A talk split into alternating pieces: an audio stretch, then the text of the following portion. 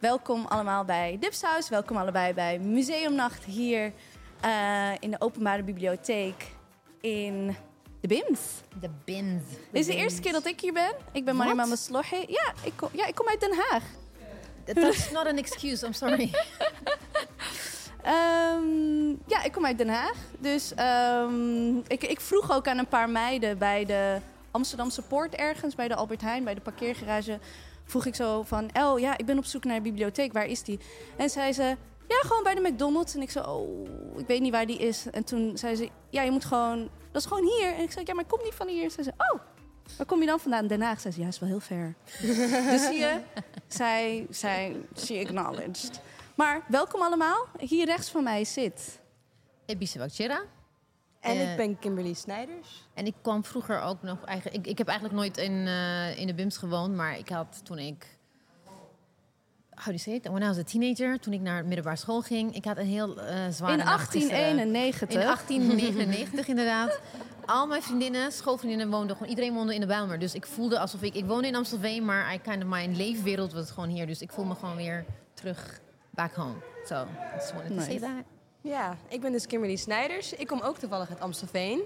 Uh, ik ben hier wel vaker geweest, maar met name voor haarproducten. Nooit dat ik hier gewoon maar bij mensen wandelen en naar de bibliotheek ben geweest. Uh, ik ging altijd naar de bibliotheek in uh, Amstelveen. Dus ook heel erg leuk om hier te zijn en dit een keertje te zien. Ja, en Kimberly is al een tijdje joined our dipsaus team. Anusha Nzume, onze andere dipsauser, die woont in, in New York. Dus onze productieassistente, onze savior Kimberly, die, uh, die springt bij uh, bij live shows, maar ook uh, onze draaiboeken. Eigenlijk onze social media extraordinair, want zij is wat jonger. Ze snapt allemaal hoe dat werkt. En super bedankt Kimberly dat je ja, er vandaag heel leuk om te zijn. bij wilde zijn. En helemaal daar, hoi! Hallo. Is um, Fatma. Ja, hoi. Wie ben je, wat doe je, waar woont je huis? Uh, Fatma Gentje, ik woon in Amsterdam. En um, wat doe ik? Ik ben uh, programmamaker digitale geletterdheid bij de OBA, bij de Openbare Bibliotheek. En uh, om even in het rijtje aan te sluiten, ik ging altijd naar de bibliotheek in Utrecht, want ik ben een geboren Utrechter. Ah, ik ben geboren en getogen in Maarsen. Oh ja, nou, zeg maar de, Utrecht, de kleine toch? teen van, van Utrecht. Willen erbij horen, maar niemand. Ja, ja. Ja. Maar wat betekent digitale geletterdheid? Wat Ja. versta je eronder? Ja, wat ik eronder versta is eigenlijk wat alle definities zijn die er wereldwijd beschikbaar zijn over digitale geletterdheid. Het gaat eigenlijk over eh, kennis en kunde, als ik het heel gechargeerd mag zetten, zeggen. Dus het gaat over, weet jij, ehm, en heb jij de kunde? Dus hoe werkt een telefoon, een iPhone, een iPad, computer? Maar ook weet jij wat het gevaar kan zijn van de telefoon, van de Ah, data, van de cloud?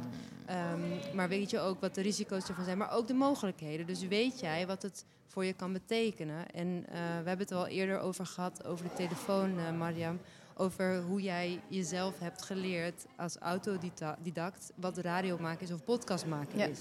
Dat is ook digitale geletterdheid. Dus ook de kansen en mogelijkheden zien van eh, het digitale en de media.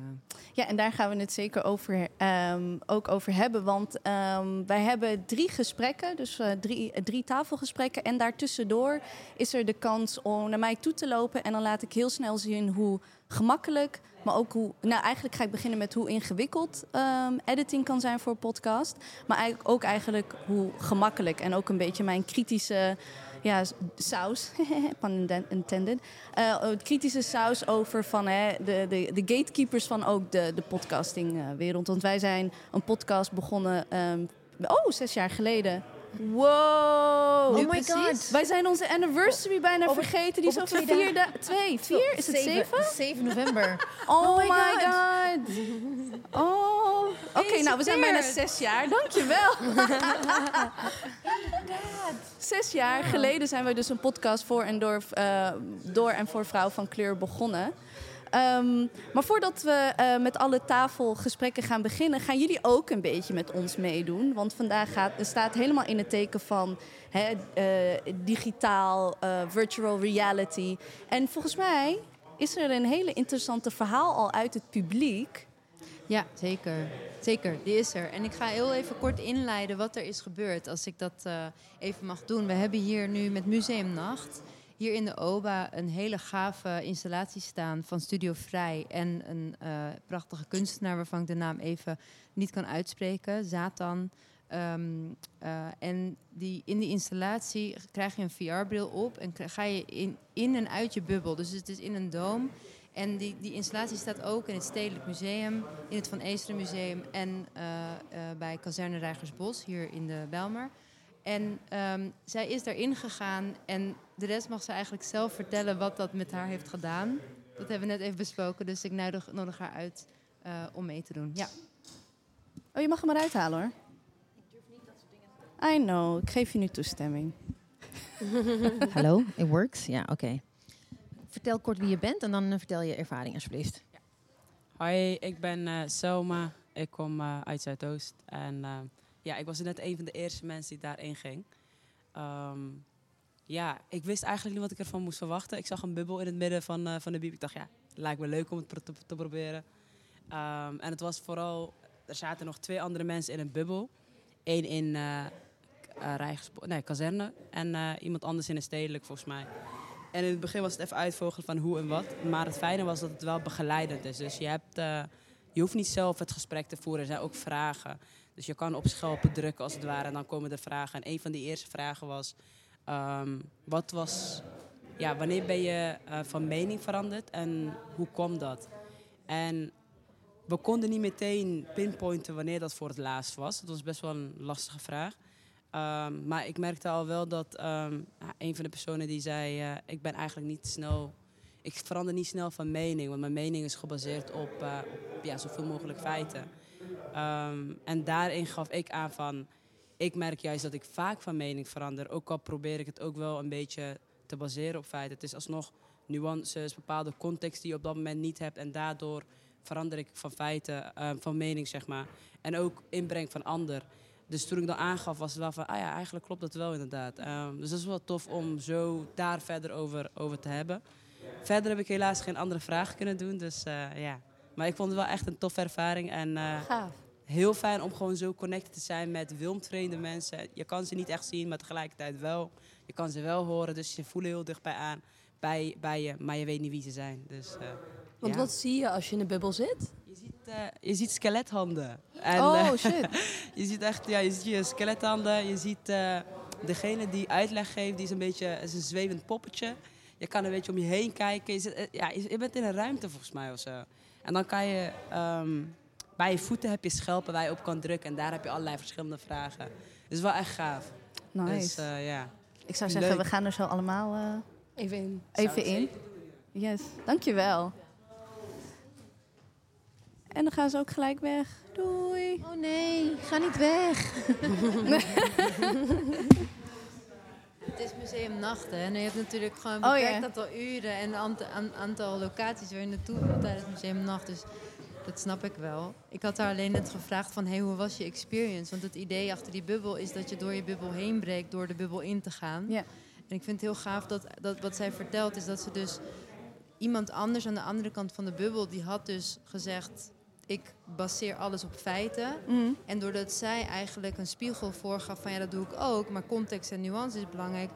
In de bubbel zelf veranderden ze van mening. Dus de vraag Oh ja. van wanneer heb je voor het laatst je mening veranderd, was instantly Mm. eigenlijk antwoord op die vraag. Ja, ja, ja. Heel nice. Dat is toch best wel grappig. En Fatma, hoe zou jij je eigen online identiteit beschrijven? Wow. ja, hallo, je bent gast. Dus, eh. Ehm, ja, heel, ik denk sowieso altijd heel erg zoekende. Dat staat wel gelijk aan mijn karakter en wie ik ben. Ik ben altijd heel erg nieuwsgierig en ehm, zolang als ik me kan herinneren op zoek naar eh, antwoorden op vragen die, eh, die gewoon bij me opkomen. Eh, mijn online identiteit is denk ik, ehm, ik ben op zoek naar mijn stem te uiten. Ik ben een Turkse vrouw met een Alevi-achtergrond. Ehm, ik ben actrice ook. Ik heb het een en ander meegemaakt, ook op de set. Uh, Mariam is natuurlijk recent met haar boek Wat de Vak naar voren gekomen. Ik heb begin dit jaar ook een manifest geïnitieerd, eh, wat Kijk Niet Weg heet. Het gaat over grensoverschrijdend gedrag binnen de media. En ik heb eigenlijk sinds dit jaar eh, mijn online stem daarmee ook gevonden. Door me gewoon te uiten over onderwerpen die me heel erg aan het hart gaan. Dus ik denk dat dat nu mijn online identiteit is. is één, uh, we hebben hier ook posters hangen, hier bij de bibliotheek. Waarop je kan stemmen met stickers. En een van de vragen is hoe uit ik me online? Gedraag ik me als Ariana Grande? Show ik gewoon mijn fantastische leven en alle mooie dingen? Ben ik een Karen? Uit ik me kritisch en uh, bash ik dingen? Of ben ik een Greta Thunberg die probeert haar stem te gebruiken voor het goede, voor het juiste? En ik denk dat ik zeker aan die kant zit op dit moment met mijn allemaal, online... allemaal witte vrouwen. Ja, dat is wel echt jammer. Hè? Ja. Dit zijn wel de drie voorbeelden die ik, ik, ik voel me geen enkele... I can't Ja. relate to any of them. Ja, Jamila Jamil zou ik er eigenlijk Ja. tussen uh, moeten Ik denk dat je er heel veel, ehm, er heel veel kan, tussen kan schrijven. Want heeft het Zeker. ook... Eh, want ik kan me herinneren van toen ik echt een duidelijke ehm, online, ehm, online identiteit kreeg, was ook tijdens activisme. Dat was tijdens de Arabische lente. Ja. Ehm, en dan merkte ik wel van, oké, ehm, in hoeverre is er eigenlijk een verschil in waar ik over tweet en wie ik ben? En hoe, hoe ervaar jij dat? dat hè, als je zegt zo van, ik spreek me steeds meer uit, ik gebruik een platform. Maar in hoeverre verandert het ook Fatma? Oh, ik denk eigenlijk heel erg. Het gaat, het gaat heel erg hand in hand. Want ik merk dat ik, eh, ik. Er zijn dingen die ik absoluut niet deel online. Want als ik in, zeg maar, ik wil heel graag mijn pure zelf laten zien op social media. En ook de kutdagen die ik heb. Weet je, ook de zwarte dagen die ik heb. Maar op de een of andere manier heb je dan echt geen zin om te schrijven of een, een foto te, te plaatsen. Dus dat, dat vind ik nog best wel lastig.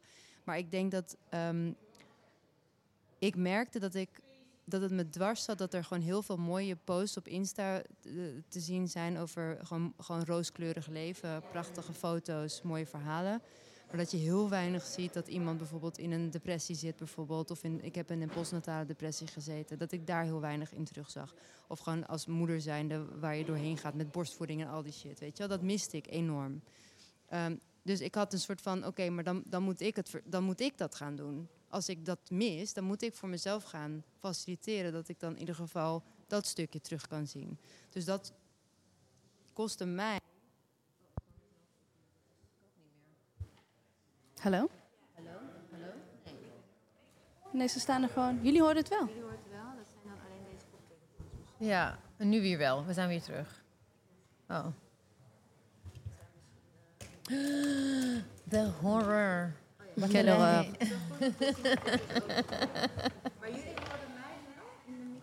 Nee. Hij is snel, hij is snel. Oké. Hallo? Ja, Ja, je bent er ja, weer. Dus wat ik, wat ik ehm, probeer te zeggen is dus dat het voor mij hand in hand is gegaan. Doordat ik zelf bepaalde content miste, moest ik het zelf gaan maken. Ja. En dat Klinkt heel herkenbaar. Ja, heel veel kwetsbaarheid. Omdat ik gewoon... Ik had, ik had geen idee hoe de reacties erop zouden zijn. En je ziet het ook hè, heel vaak als je heel kwetsbaar bent... dat je minder likes krijgt of minder comments en al die dingen. Dus ehm, dat, dat heeft mij ook veranderd om daarin wat sterker te worden... en een beetje scheid te krijgen aan... Ja. verleen ik mijn eigen zelfvertrouwen aan de comments, aan de likes en dat soort dingen. Ehm, daarop aanhaken, wat ik wel interessant vind aan die discussie eh, about offline, online. Ik, persoonlijk vind ik niet dat je één personality hebt offline en een compleet andere persoon bent online. Ik denk dat het een, of een uitvergroting of een, een bepaald aspect is van wie je bent. eh, waardoor je online op welke media. Het, het kan ook online betekent niet alles. Hè. Het kan ook Twitter heeft een andere ecosysteem, Instagram iets anders, Tumblr. Dat een, een bepaalde deel van je identiteit waar je daar een soort uiting aan kan geven op een manier die prettig is voor jou, denk ik. Want aan het begin dacht ik ook van oké, I have like two person, personalities, maar het is eigenlijk een versie van mij die zich op online op een bepaalde manier uit. Ja. En, en die discussie wat je heel vaak ziet tegenwoordig is like, you know, like the digital de- detox. Ik ga even niet naar mijn telefoon. Ik denk van, wat je ook zei, even about, ik- heb ook twee kinderen eh, gehad en ik heb ook heel veel vriendinnen gehad die postnatale depressie hebben gehad, maar dat ik later achterkwam, want net the way you curate your life online, you curate it offline. Je vertelt niet alles aan iedereen. Vind ik heel Weet mooi je? gezegd dat je dus ook cureert Ja, in je eigen leven. En dat, dat, dat is ook absoluut zo. Dat is absoluut Ja. zo. Ik denk ook dat online en offline, zo van we leven hybride. Dat is gewoon hoe Ja. het leven nu is. Laten Ja. we dat alsjeblieft met Ja. elkaar accepteren. Ja. En die digital detox is heel leuk als je dat voor een maand gaat doen. Maar uiteindelijk heb jij een patroon te he- vormen waar, die over jouw dagelijks leven gaat, die 365 dagen is. Ja. Ik denk alleen dat we wel in on- onze persoonlijke ontplooiing, zelfontwikkeling worden uitgedaagd om die weg te vinden, Ja. om die hybride samensmelting te vinden. En dan gaan we zo naar ik werk hier in, eh, in de bibliotheek. Maar kijk even, Ja. wie vindt zichzelf in het publiek echt heel on- authentiek online? Zo van als ik op jouw Instagram ga, dan krijg je gewoon dit, this is it, die ben ik. Oh, ik En wie denkt zo van, iedereen krijgt een deel te zien? Een deel. Toch 'Cause wel I overshare. Oh ja. I overshare all the time. ja. Ik vind dat dat dus meevalt. Echt? Ja. Oh, maar voor mijn doen? Kijk, voor jou doen you're oversharing, maar het valt echt heel erg mee. Oh, echt? Ik vind het bijvoorbeeld... Kijk, mijn vakantie dan weer niet. Ja. Maar ik vind het als we het hebben over ook de mindere dingen van je leven laten zien. Denk ik van, ach, zit iedereen te wachten op mijn struggle aan een hele witte koloniale instituut als Universiteit Leiden, snap je? ja. Daar vind ik, ja, blijkbaar zitten mensen daarop te wachten. Maar ik denk, oh my god, ga ik weer tweeten over de mail die een hele problematische assistant professor, eh, weet je, mij mailde. Ga ik dat weer delen? In die zin vind ik mezelf, weet je, of dat ik het heb over mijn writer's anxiety en Ja. dat soort dingen. Dat, ik, dat vind ik Ja. best wel oversharen soms van mij. Van, ik heb niet geslapen, ik heb nog twee uur te gaan. Oh, mijn dienst begint om zeven. En, Ja, maar je moet het natuurlijk ook, zi- ook zien in het hele de context van die feed. Die feed Ja. blijft doorgaan. Dus als jij denkt dat je overshared en stel je stopt ermee, dan vult het zich weer op. Ja. Met heel veel ads, sowieso. Ik krijg echt om de, om de twee posts vijf verschillende advertenties Ja, ja. te zien. Dus ik denk dat... Ik snap dat je dat, dat je dat gevoel hebt, maar ik denk dat het niet zo is. Ja, I was thinking because of what you say, like hoe, hoe ben ik op Twitter nu en hoe was ik aan het begin? Aan het begin was ik ook alles aan het oversharen. Toen, toen Twitter nog echt, ik ben in 2009 op Twitter gegaan. Daarvoor was het gewoon Facebook. En Facebook gebruikte ik juist niet om te oversharen. I didn't use, ik gebruikte Facebook juist niet voor privé dingen, maar alleen maar juist gewoon activistisch politieke dingen, waardoor iedereen dacht dat ik dep- dep- depressief was. Omdat ik alleen maar aan het zeiken was over de wereld. ik dacht van, hallo, jullie Poor kennen thing. Nee, Friends dacht er van, ben je... Ze gaat goed met jou. on? Toen dacht ik van, dan ken je me niet goed genoeg als je echt denkt... dat omdat ik politiek geëngageerd ben, dat ik ongelukkig ben. Het was een heel rare sprong die mensen gingen maken. Maar Twitter was juist... Niemand kende me daar. Dus vanwege die gedoe op Facebook van vrienden en kennissen en, en collega's... Ik ben ik op Twitter gegaan. Niem- niemand kende me. Ik had elf volgers. En ik kon gewoon al mijn frustratie uiten. Lekker. Alles. Gewoon bitchen, dit, dat, dat. Totdat steeds meer mensen je kenden en de link maakten met Ebice offline. Toen begon ik weer terug te gaan in mijn... Michel. ja, Maar dat is toch ook fascinerend. Dat je dus. We hebben het over die online, offline bestaat het, hybride Ja. persoonlijkheid. Maar dat je dus, doordat je op een bepaalde manier kiest te uiten. Ik weet niet of dat goed Nederlands is, maar whatever. Oh, we don't Oh, care. je- Je, je, snapt here. het. Eh, dat je dan dus een reactie krijgt. We respecteren de. Nederlandse taal totaal niet. Dank je. Ehm, maar dat, maar dan, dat je de, je community dus op een bepaalde op manier op gaat reageren, waardoor je denkt, oh shit, ik moet wel even kijken hoe ik me ga uiten. En dat je dan op Twitter wel de veiligheid voelt om je zo te uiten. Ja. Dus het, het, het, die, het, is continu heen en Mm. weer tussen online offline, die dus wel met elkaar probeert een, een soort van Ja. Mm. weg En, te vinden. en in a way, het is wel ook een weerspiegeling van de offline leven. Want hoe jij met je collega's omgaat, is anders dan hoe je met je hartsvriendinnen omgaat. En hoe je met de familie praat. En wat je gaat, ook in het echte leven ga je niet. Je, it- you always curate in which ruimte je wat gaat vertellen. en hoe mensen erop gaan reageren. Dus ik, het took me a while om, om, die, om dat te accepteren van eigenlijk is het inderdaad... It's a version of you in een different ecosystem. Natuurlijk is het heel wat anders dan... In principe kunnen miljoenen mensen naar je tweet kijken. if you're lucky. Whereas hier is het gewoon heel erg beperkt en het is lokaal. En, en, en, dus het is, ja, ik vind het, ik vind mensen die dan echt heel erg anti zijn of een hele drama van maken, denk ik van, jullie rijden toch ook in een auto? Je gaat toch niet lopen naar Frankrijk, weet je? Technology, deal with it. Nou, wat Dus ik interessant vond in de zwarte, eh, anti-Zwarte Pieten debat, dat eh, hè, dan heb je hele uitgesproken witte racisten. En dan, ze, en dan kan ik me herinneren dat mijn collega's zeiden, ja, maar zo doen ze alleen maar online. Denk ik, maar dat komt toch ergens vandaan? Ja. Ik bedoel, ja, Ja, misschien is... het, misschien is het niet zo geconcentreerd. Ja, but that is person to me is still the same bigot. Maar je hebt wel een bepaalde veiligheid online, doordat je niet direct een reactie hoeft te zien. Dus je kan ook iets Mm. plaatsen. Stel je eh, Mm. bent dus een anti-Zwarte Piet, eh, zeg maar, eh, anti-against anti-Zwarte Piet movement. Kan je iets plaatsen, heel boos zijn, je telefoon wegleggen en hoef je niet die backlash gelijk te zien. Ja, but he's still dezelfde racistische persoon. Ja, die gedachten die zijn er altijd exactly. Ja. En, en ook hetzelfde als bijvoorbeeld, one of the- een van de eerste dingen die ik in, in Nederland leerde, is dat wanneer een, moslim of een eh, iemand, eh, Joodse iemand of een zwarte persoon de enige persoon is in een wit omgeving, hoe, hoe de, de, jokes en de grappen die gemaakt worden als je er bent, het is allemaal poli- politiek correct. Zo- Zodra één persoon, bijvoorbeeld, there's a Jewish person, there's me. Zodra dat Jewish person is gone, die grapjes, ze denken, oké, there's no other Jewish person. De antisemitische gra- gra- grapjes worden dan gemaakt, want we zijn allemaal in een safe space without that Jewish person. Dus ik weet, omdat ik dat zo vaak heb meegemaakt op hoog niveau, grachtengordel, whatever, echt gewoon intellectuals, dacht ik, als ik weg ben, ik weet zeker dat het N-woord gewoon om, de, om je oren vliegt. Dus ik heb altijd het idee gehad van, it depends whether you are keurig en netjes in de omgang bij de redactie van NRC. Ik weet niet hoe mensen praten als ik er niet ben. Dus ik zie dat, het, hetzelfde geldt voor inderdaad wat je zegt. Online. people die online gaan en racistische dingen uiten... zijn waarschijnlijk ook gewoon racist in their little bubble. Ja. Of seksist of, weet je, islamofoob of anti-dit of anti-dat. Dus het, is, het moet ergens vandaan komen. Je kan niet en een clean person zijn offline en een... Nee, dat kan niet. Nee, het gaat hand, hand Ja. in hand. Zeker. The good news is...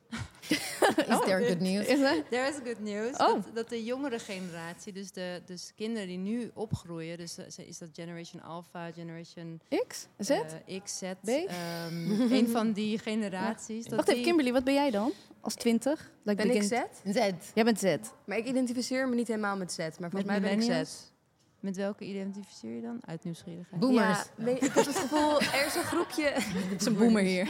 Nee, eh, ik heb het gevoel dat mensen die tussen 1999 en 2002 zijn geboren... het gevoel hebben dat ze nergens helemaal bij horen. maar misschien net het meeste Gen Z zijn. Ja. Maar die zich net niet kunnen identificeren met de hele TikTok-generatie. Oh eh. ja, er zit er nog één. Er zit net iets tussen, voor. zeg maar. dus ja. dit is eigenlijk mini Gen X. Ik ben een Gen X'er. Ik ben geen boomer, ik ben geen millennial. Gen X'ers vinden ook altijd dat ze tussen wel een schip vallen. Ja.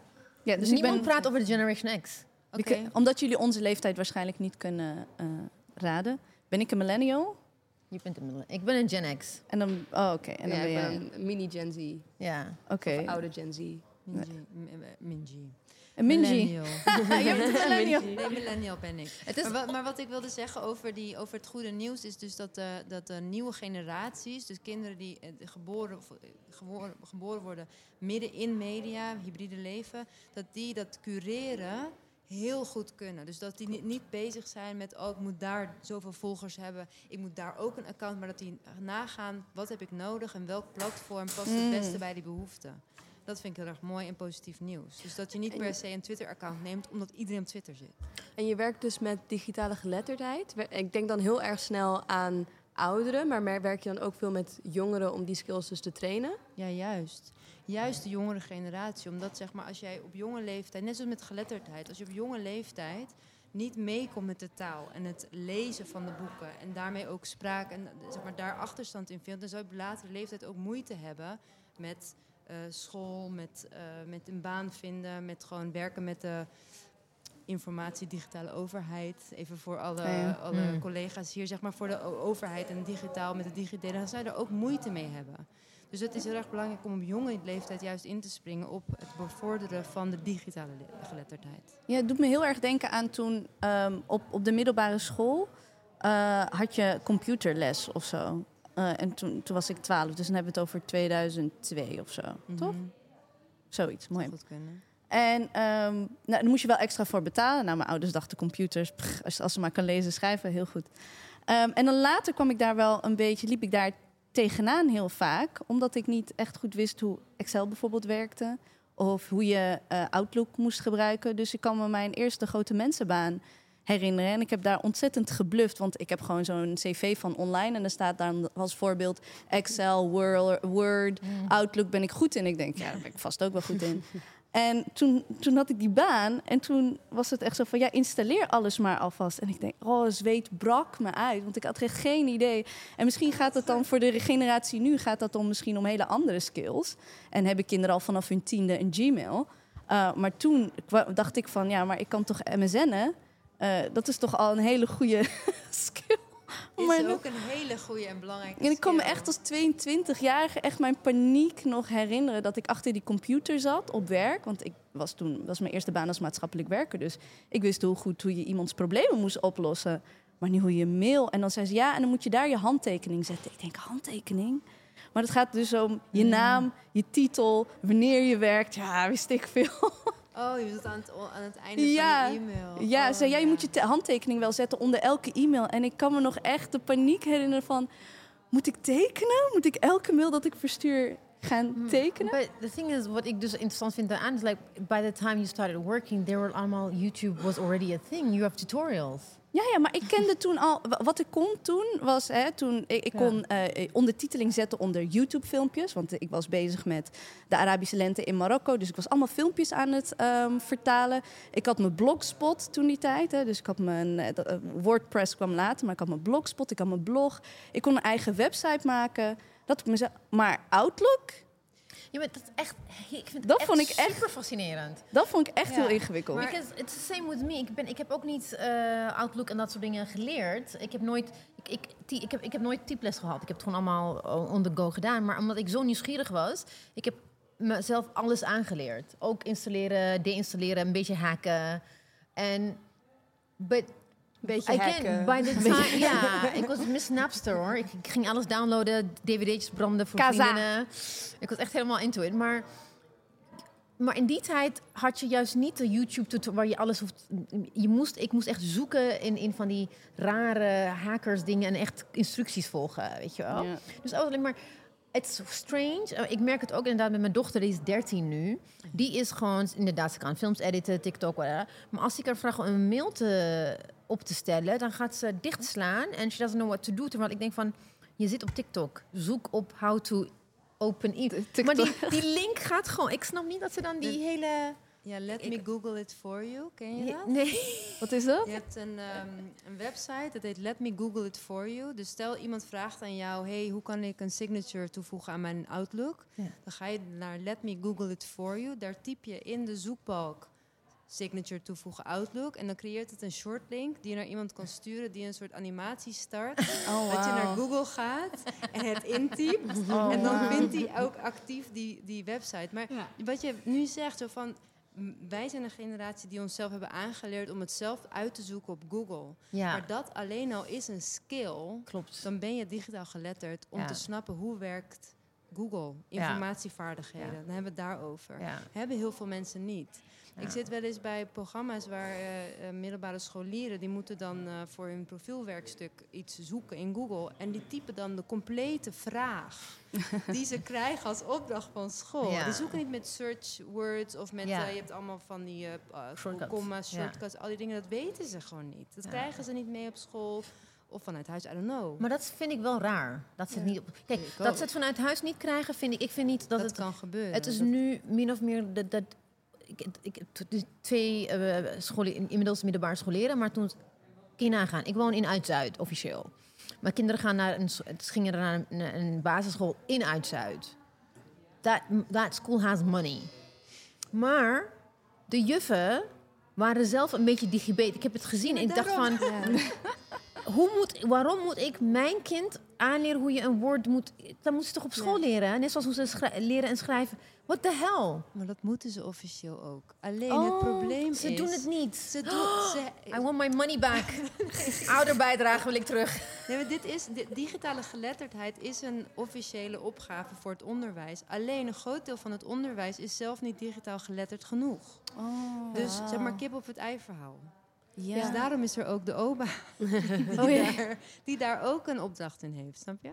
Ja, ik kan me nog herinneren ja, dat toen ik 14 was, eh, ik ook al opdrachten begon te krijgen zoals maak een video of maak een eigen website. maar het was ja, echt heel erg vroeg was het al de bedoeling dat je dan die opdracht zou maken, maar er was dan niet direct de ondersteuning bij van hoe doe je dat dan. Er ging er, ze gingen ervan uit dat je dat zelf inderdaad kon opzoeken en dat je dat zelf kon leren gaandeweg. Maar ook de docent die stond echt, was zo onder de indruk van de resultaten die we konden boeken. Die zou het zelf niet eens hebben gekund. Terwijl we wel zo'n opdracht zeg maar, kregen. En er waren ook bepaalde leerlingen uit de klas die echt geen idee hadden waar ze nou moesten beginnen. Ja, Ja. Het, is, het is zorgelijk. Maar dan kunnen ze dus bij jullie terecht. We gaan allemaal, naar de, allemaal op zoek naar, eh, allemaal op zoek naar Fatma. We zitten al aan onze eerste half uur. Eh, ja. Ehm, even kijken. Ik ben wel benieuwd, als, als jij weer, Ebice, met, je, met de microfoon naar het publiek. Love it. Ik ben benieuwd naar wie zijn eerste digitale herinnering wilt delen. En daarna doen we, een, eh, doen we even een pauze. En dan kunnen jullie in, in de bubbel. En dan verwachten we jullie weer hier Don't be shy. terug. Wie wilt zijn eerste digitale herinnering Je bent delen? net binnengekomen. Ik ga gewoon aanwijzen. Nee, oh god, zij is net binnen. Hij hoort ook Vind niks. je het erg? Maar hij hoort niks, Oh nee, hij hoort niks. Oh, hij hoort niks. Oké. Hoe? Zijn eerste digitale herinnering. Wie wil? Niet allemaal tegelijk. nee, nee, nee. Ik ga het vast... You're in charge. Ehm, ja, mijn eerste herinnering die ik onthouden heb, eh, digitaal, is dat ehm, eh, ik in, het, in de studeerkamer in ons ouderlijk huis, dus dat noemden we de studeerkamer als een soort kantoortje eigenlijk. En daar stond een computer, de computer. en dan eh, was het natuurlijk een ding dat je op MSN wilde. Eh, alle klasgenoten zaten op MSN. En ehm, dat ging met de kookwekker. Want dat moest je inbellen, zo. Oh, wow. En dan mocht ik een kwartiertje op MSN en was ik helemaal zenuwachtig. Oh, wat moet ik eigenlijk zeggen? Ik weet niks te zeggen. Ik wil met iedereen eh, chatten. Hoest. En dan, oh, kookwekker voorbij. Nou, oké, dat was het weer. Doei. Nou, tot morgen. Nog iemand anders? Marjam, wat was jouw eerste digitale herinnering? Ehm, dat ik mee mocht kijken met mijn zus op de tmf.nl slash chat. En dan ging ze chatten met allemaal jongens. En toen zei ze echt letterlijk, kijk, zo hoort het. dus dat is mijn eerste, dat ik naast haar mocht zitten. En er eh, met, met allerlei jongens een beetje ging belachelijk maken. En zo van, ja, kom dan naar die bushalte en wacht op mij. En dan zat ze echt zo, en nu gaat hij naar buiten en dan zit ik binnen. Dus een beetje shenanigans op tmf.nl forward Wel- slash Welke zus? de middelste. Oh, oké. oh ja, of course, of course. Dus Jij dat, wilde eh, iets zeggen. Aan- M- Hou het kort. Nou ja, de, de eerste herinnering voor mij is denk ik ehm, eh, dat mijn vader mij uitlegde hoe ik eh, de Lemmings kon opstarten. En dat was een, eh, een, De spelletje in MS-DOS. En mijn vader zat in IT, dus wat dat betreft best wel privileged als we het hebben over dat de devices thuis waren en dat er kennis in huis was. Maar ehm, ja, hij had mij geleerd hoe ik dan een spelletje kon opstarten vanuit DOS. Wauw. Dus het was wel echt gewoon met con- command en dat soort dingen. Ja. Wauw. Net zoals ik denk, denk de, mat de Matrix. Like de, die... Ja, ja, mijn, mijn broer is programmeur. En ehm, die, die, dan zag ik, spiekte ik wel eens naar wat hij. Er zit heel veel leeftijd tussen mij. Ik ben die nakomertje, dus tussen mij en hem zit acht jaar. En dan zag ik hem zo midden in de nacht zo krik, krik, nog alles van alles programmeren. Dus ik weet wel hoe het eruit ziet, maar het ziet er altijd uit als hocus pocus. Ja, bij mij was het gewoon mijn mom. She was a secretary in, toen we in Ethiopië woonden. So she was a secretary to the secretary of something or other for E- E- Economic Commission of Africa. En ze had een typewriter, maar dan met een computer. Met echt met, die lange print, printouts die dan heel zo echt dat je een soort draadje kon. eh, dat was de allereerste keer. dat ik, ja. Een fax. Ja, nee, niet een fax, maar het is een computer. IBM computers gewoon. Ah. old-fashioned ones. Dat is wat ik me kan herinneren. Anybody else who wants to share? Ik heb er nog wel eentje, maar niet van mijzelf, maar van mijn moeder. Ja. Haar allereerste digitale herinnering die ik heb van haar. Ik, toen ik jonger was, zat ik ook op MSN. En elke keer als ik erop zat, dan keek ze me aan en dan was het echt zo, zit je weer op MSN? Echt, shame on you. Ja. Elke keer keek ze me zo aan. En nu, eh, sinds een paar jaar, heeft ze een iPhone. En elke keer dan betrap ik haar. Dat ze echt zo op haar telefoon zit ze zo met haar leesbril. En zit ze op Facebook echt iedereen's post zo één voor één te lezen. En dan zit ik zo, mam, zit je weer op Facebook? Oh, payback time. Nice. Dus dat is wel een hele fijne herinnering Ja. van mijn moeder.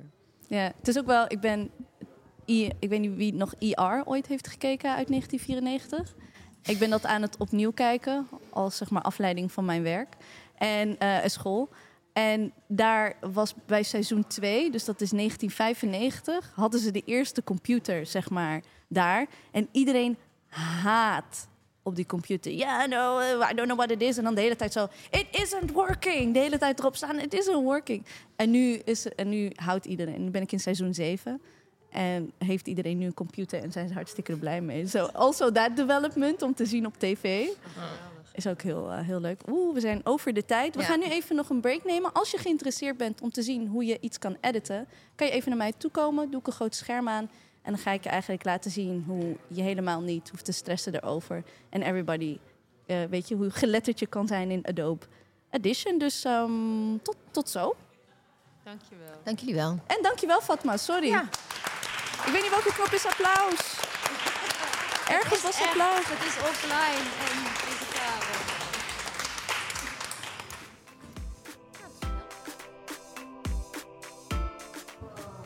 Dankjewel, David. We, gaan, we nemen nu op.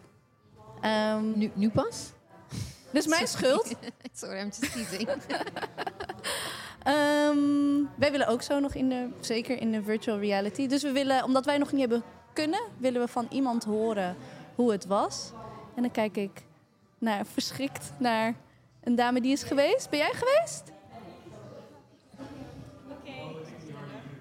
Nou, Wacht even, hoe heet jij eerst?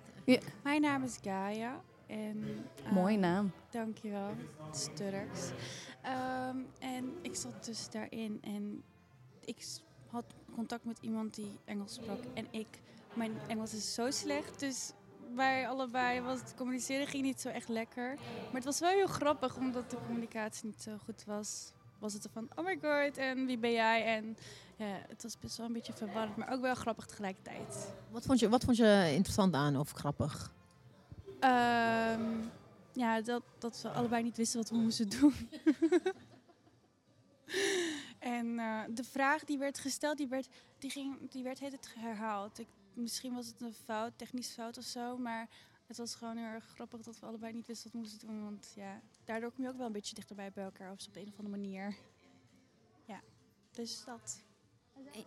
Je bent ook geweest. Oké, wie ben jij? Hoe heet jij? Hi, ik ben Phyllis. En ik ben net ook in de bubbel geweest.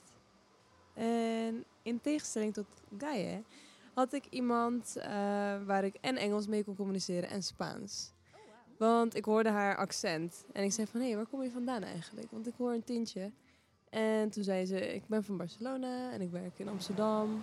Het kwart van Adidas. Gelijk even gepromoot. nee, maar ehm, de communicatie was heel makkelijk. Eh, juist omdat het zo multi was. En toen hebben we een aantal vragen beantwoord. Want je hebt van die, wat waren het, stenen of champignonsachtige vormpjes waar je op kon klikken. Schelpen. Schelp. Ja. Oké. Shell. Ja, oké. ja, oké. Connected. Ja. ehm, dus de schelpen hebben we opgeklikt. En een aantal vragen besproken. En daarna eh, beseften we dat we ook dichter bij elkaar konden komen in dat virtuele. We zagen elkaar bewegen. En ze zei van, hey, volgens mij kan ik jou aanraken. En toen dacht ik, nou, let's try. Toen kwamen we dichter bij elkaar. En toen was het echt een beetje zo in de lucht proberen, maar je voelt elkaar natuurlijk niet. Maar het, het voelde ook weer wel raar. En toen hebben we bachata gedanst. Ja, met een schenen, stenen figuur eigenlijk. Ja, het was echt heel grappig. Oh, ik ben echt benieuwd. Nu wil ik het ook gewoon. Ik wil ook echt heel graag Ik wil ook eh, bachata dansen met een geest. Anyone else who wants to share? Really? It's your moment to shine. Oké, never mind. We komen toch wel nog bij jullie terug. Ja? Ehm, we gaan ehm, iemand een beetje overvallen vandaag, maar ik heb hem ook wel een beetje voorbereid. Ik wil graag David van Salto eventjes hier aan tafel hebben. Applaus voor... eh,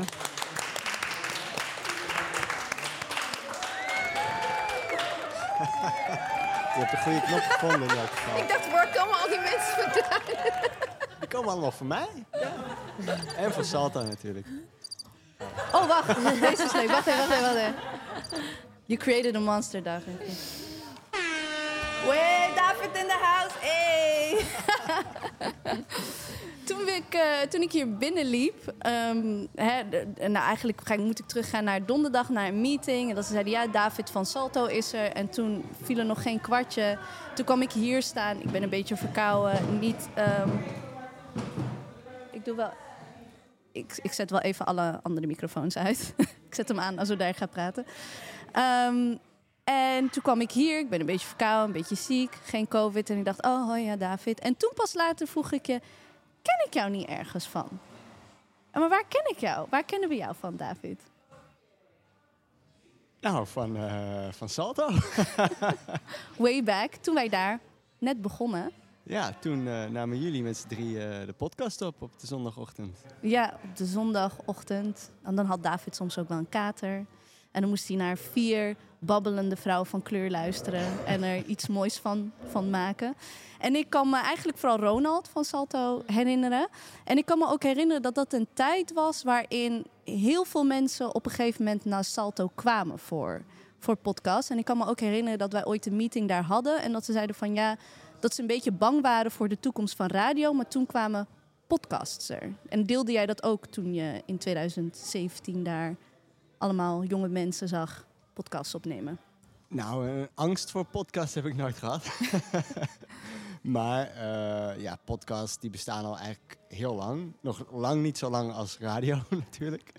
Eh, maar ja, er, er zitten een heleboel voordelen aan het maken van een podcast. En de mensen die ehm, weten dat nu ook beter te begrijpen.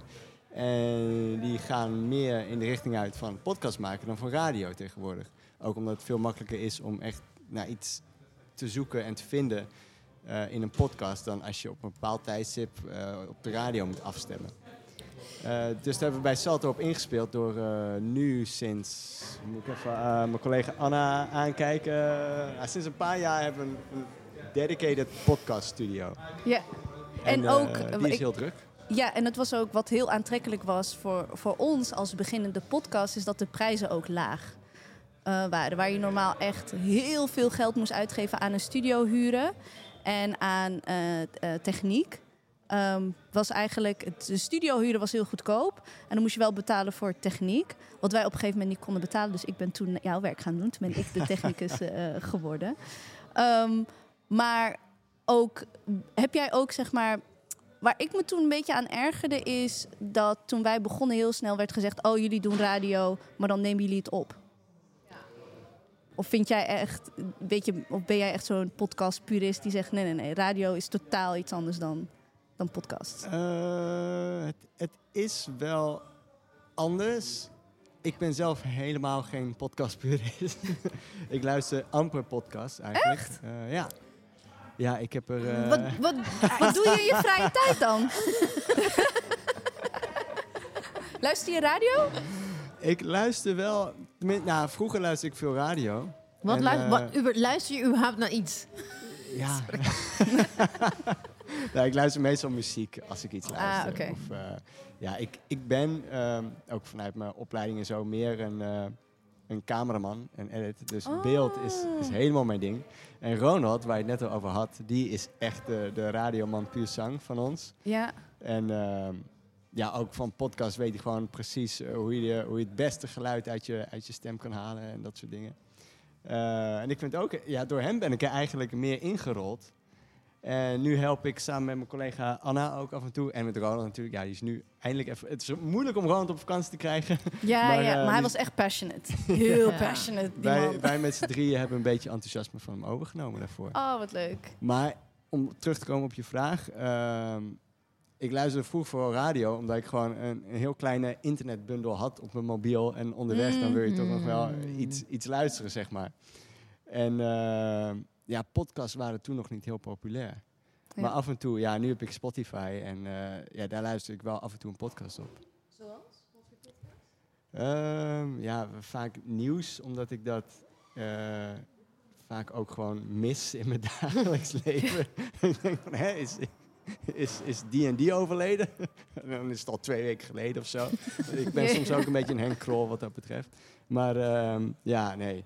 Eh, verder niet heel veel, zoals ik al zei. Alleen als ik echt iets... Het is meer dat als er iets... eh, als ik iets heb gelezen en er hoort een podcast bij over Ah, dat en dan ga je. onderwerp, Nou ja. dan luister Hmm. ik het. Nou, het, is, het is wel interessant wat je zegt dat, je, dat eh, Salto sinds een paar jaar eh, echt een podcaststudio heeft. Want een van de dingen waar wij, misschien moet ik niet wij zeggen, maar ik tegenaan liep, was ehm, er werd heel erg vanuit, toen, toen wij ook daar waren, vanuit radio gedacht. En ook dat op een gegeven moment werd tegen ons gezegd van ja, en dan gaan we op die en die dag en die en die dag wordt het online uitge- op de radiozender uitgezonden. We were like, ja, whatever, who cares, weet je. Ik weet niet, I'm not gonna tune in and listen to myself op een maandagmiddag om drie uur, weet je wel. Dus ik snapte toen niet waarom Salto ook, terwijl er, er werden podcasts opgenomen, maar er werd ook als radio uitzending uitgezonden op een bepaalde tijdstip. Ik, snap, ik begreep het gewoon niet. Ja, ik, ik heb net eh, naar je geluisterd en dat is dan de eerste podcast die mensen ook, als het goed is, een, een week geleden op de radio hebben kunnen horen. Ehm, maar dat ging over dat jullie allemaal eigenlijk van een andere generatie zijn. Mm. En Salto is een public access Ja. station. We hebben Ja. vier radiokanalen en twee tv-kanalen. En we horen eigenlijk de hele stad te bedienen. Dus Mm. wat wij merken is, er zijn enorme verschillen, niet alleen tussen generaties, maar ook tussen afkomst en dergelijke dingen. En we zijn met een heel klein team. en we zijn zeker niet van, eh, ja, we, we zijn, ja, je, je kan het niet heel divers maken als je maar met een klein team bent. Eh, dus we proberen ook zoveel mogelijk de, de makers zelf te spreken van ja, hoe, hoe zit het met je, wie, wie gaat er luisteren naar je show? En eh, Ja. wil je op de radio of wil je gewoon een podcast maken? Dat zijn vragen die we vaak krijgen. En radio is geschikter om gewoon ja, eh, langs te zeppen. Hmm. Ja. En dan hoor je muziekje en dan hoor je Hmm. af en toe kort iemand ergens over praten. En dan ehm, Ja. Kan je blijven luisteren als je het interessant Hmm. vindt. En de podcast is meer gericht voor, vind ik dit interessant, dan zoek ik het op. Precies. En eh, ik moet zeggen, eh, we, hebben, we hebben laatst nog podcast uitgezonden op de radio. Dat is niet altijd handig dus, omdat het ja, Format eigenlijk voor ja. misschien een kleinere doelgroep is. Maar dat, dat moeten we een beetje aanvoelen van, eh, van het Cello Biennale.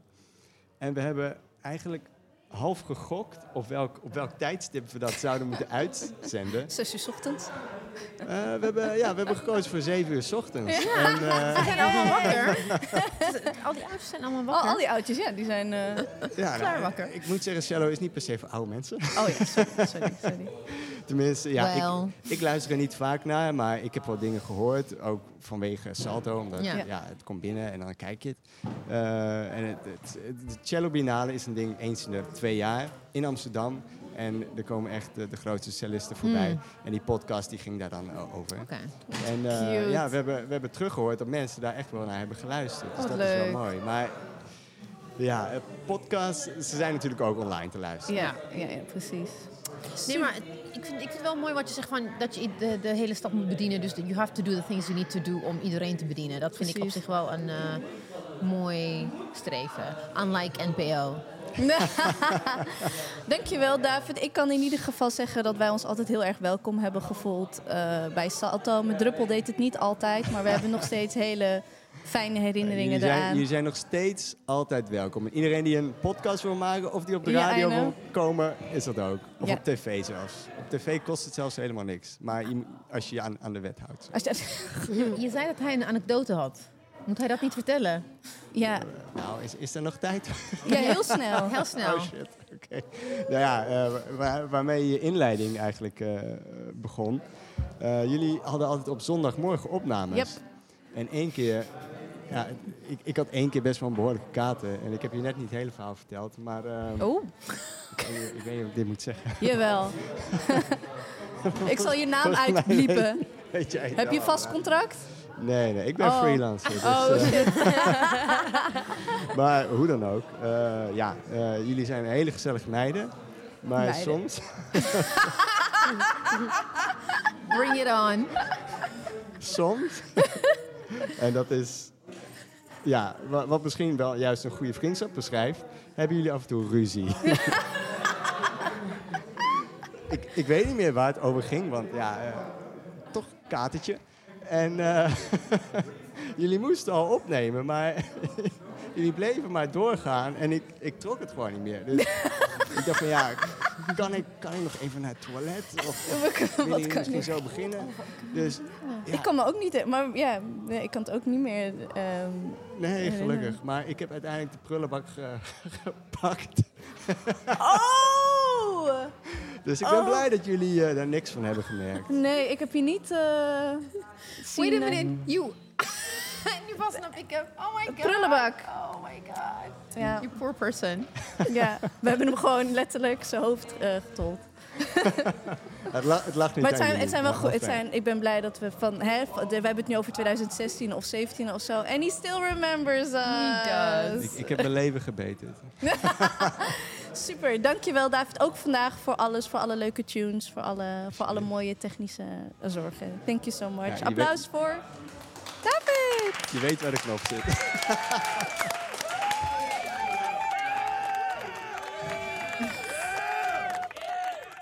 Ja. Oké, en dan gaan we snel door naar onze eh, volgende gast. Daar. Ehm, ja, Martin Ongakui. Alsjeblieft, als je wilt zou willen aanschuiven.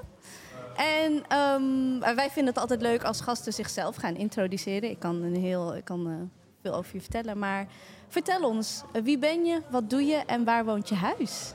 Zo, Eh, ik ben ehm, Martin Ongakwi. Eh, ik woon in Amsterdam, Zuidoost. Hey, in de achtertuin. Ja, hè? Dit Mooi. is echt thuis, thuiswedstrijd voor je dan, toch? Jazeker. Ehm ik run een vegan corner in Amsterdam, Rijgersbos. Drie jaar geleden begonnen. En, eh, De naam? Jemaya's Maya's? Vegan Corner. Ja, yes. ja. ja, ja, ja, ja. Je moet wel goed je eigen Echt, corner eh, gaan pushen. Ja. Ja. Ja, de- de- dat is het eigenlijk. Dat is mijn leven eigenlijk, Jemaya's Vegan Corner op het moment. Oh, nice. En de reden dat wij... Wij hebben een lijst doorgekregen en dan mochten wij zelf kiezen wie we wilden spreken. En ehm, soms overleggen wij dingen, maar soms denk ik, kijk ik gewoon naar wat ik vooral interessant vind. en toen ik de vegan... Overleggen. eh, overleggen soms. Ehm, wij, verder geloven wij wel in de democratie, toch? Een beetje. En als ik, ik, ik maakte zelf heel snel een link tussen eh veganism en ehm, social media, of in ieder geval de digitale wereld. Want ik ben, ehm, ik ben geen vegan, zeg maar. Dus hè, ik, ik heb wel eens eh, in een week eet ik nog wel eens kaas. Eh, dat is mijn grootste zonde, kaas. O jee. ja, nee, echt, daar kom ik niet van af. Maar ik heb dat eigenlijk allemaal, mijn hele zeg maar, educatie als het gaat om eten, ve- over ehm, vegetarisch zijn en veganisme, heb ik van het internet. Ehm, jij bent zelf Ik denk ik hoor ook vegan? Ja. Wanneer ben jij zelf Eh, vegan geworden? Ik ben twintig jaar geleden vegan, vegan geworden. Ah, vertel. Eh, bij mij is het niet, niet via social media gegaan. Ik las een boek. Dat ging over ehm eh, E-nummers en zo. Mm. Kunstmatige kleur- en smaakstoffen. En eh, van het een komt het ander. Maar dan ga je, je gaat je verdiepen. Je, je, je gaat zien dat het eh, in vlees terechtkomt, in eh, kaas, noem maar op. En dan wordt je, je keuze qua eten steeds kleiner, zeg maar. Ja. Want hè, en dan, ehm, dan wil je vegan worden 20 jaar geleden. Dus Ja. 20 jaar geleden was het nog helemaal niet zo hip als dat het nu is. Klopt. Weinig aanbod. Ja. Hè? En je kan, zou zeggen van, oh, de veganisme is alleen maar voor witte hippies. Ehm, hoe ging dat proces bij jou? Kan je daar meer met, eh, in Eh, detail iets over bij vertellen? mij persoonlijk, ik, Ja. ik, ik- ja, ik heb dat, dat stigma leefde bij mij niet hoor. Dat beeld over ah, oké. Geitenwolle sokken en zo. en, eh, en, en, en, en mensen die eh, sandalen dragen en zo. Ja. Ik heb het wel allemaal meegekregen, maar, maar het leefde bij mij niet echt. ik was gewoon puur eh, met mezelf bezig op dat moment. En vanuit je omgeving, ik kan me herinneren dat de eerste Eid al-Adha, ik ben, ik ben moslim, en Eid al-Adha is ons ehm, slachtfeest. Aha. En dat was de eerste keer dat ik vegetarisch, ehm, een vegetarisch meemaakte. Ik ben helemaal uitgelachen. Snap ik. Nou, vertel, hoe, hoe, hoe komt het dat jij ja, het snapt? Ik ben, ik ben nooit uitgelachen of zo, hoor. Nee. maar dit- je moest wel iedere keer weer in discussie eh, uitleggen en eh, weer uitleggen, opnieuw uitleggen. Eh, Maar was, dat- het, dat maar was het ook niet moeilijk bijvoorbeeld op... op eh, ik, ik, ik, I'm assuming je komt uit Suriname. Je hebt Ja. een Surinaams achtergrond. Dus als je bij familie eh, of, of feesten of Ja. gelegenheden bent... Ja. eh, was er dan heel veel keus. Nee, eh, weinig keus. Ja, dus dat, en, en hoe, ging, je- hoe ging je familie dan ermee om, weet je wel? Eh, nou, een deel, een deel eh, snapte het wel. Maar Mm. bij een ander, ander deel moest je dus iedere keer weer uitleggen. Nee, ei, ei is ook eh, eh, niet vegan. Melk ook niet. Ja. Vis mag ook niet. Ja. Ja.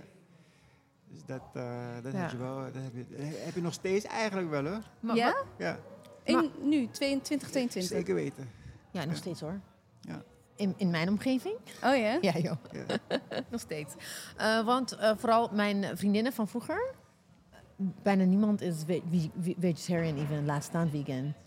Ah ja, misschien bij mij iets, iets Ja. meer. Misschien Ja. bij mij ja, net iets jonger, maybe? Ja, ik, denk, ik denk dat het eh, sowieso onze tussen aanhaling filterbubble plus leeftijd, I think. Ik denk ook Ja. dat het zeker leeftijdsgebonden is. Ah, maar ja. ik denk wel dat de- ze eten wel allemaal minder vlees. Dat, dat wel. Ah ja. Het is wel de bewustwording is er om minder vlees te eten en te koken. Maar niet om fully vegetarian of vegan te gaan. Want merk je dat ook? Van hè, mensen die bij jullie eten bestellen of eten komen halen, zijn dat echt eh, vegans of zijn dat mensen die be- be- bewuster willen leven? Die... Vertel eens een beetje daar. Ja, over het algemeen toch wel vegans. Ah, Maar, maar de groep wordt ook veel groter. Mensen die bewuster willen leven inderdaad. Of het, of het een keer willen uitproberen. Eh, Van alles eigenlijk wel. Dus ook de, ook de vleeseter, die eh, komt graag bij ons eten, klopt. Ja. Ja, want het is, er is echt zeker wel een eh, vooruitgang in, in vooral. It's a big city thing. Laten we ook gewoon even van, Oh ja. van eh, doordrongen zijn dat dit echt een, een, een, een, een fenomeen is dat zich vooral, tenminste qua keus, als je vegan bent, heb je heel veel keus als je in een grote stad woont, zoals Amsterdam. Ehm, maar ik merk wel dat er ook gewoon. Er zijn mensen die het wel heel graag willen zijn, denk ik. Maar niet te veel, de moeite niet willen nemen om echt gewoon helemaal ervoor te gaan. Ik ben, ik ben zo één. Ik vind Ja. het belangrijk, maar ik weet dat om, om echt gewoon fully vegan of vegetarian te gaan, moet ik zoveel moeite doen. Ja. Dat ik denk van, ik heb, ik heb de ruimte niet in mijn hoofd. Omdat ik, om- ik haat koken, sorry. I hate cooking. I hate cooking. Ik, ik heb een aantal, x aantal dingen ge- eh, aangeleerd om te koken. Ik wil niet nu weer nieuwe dingen gaan leren.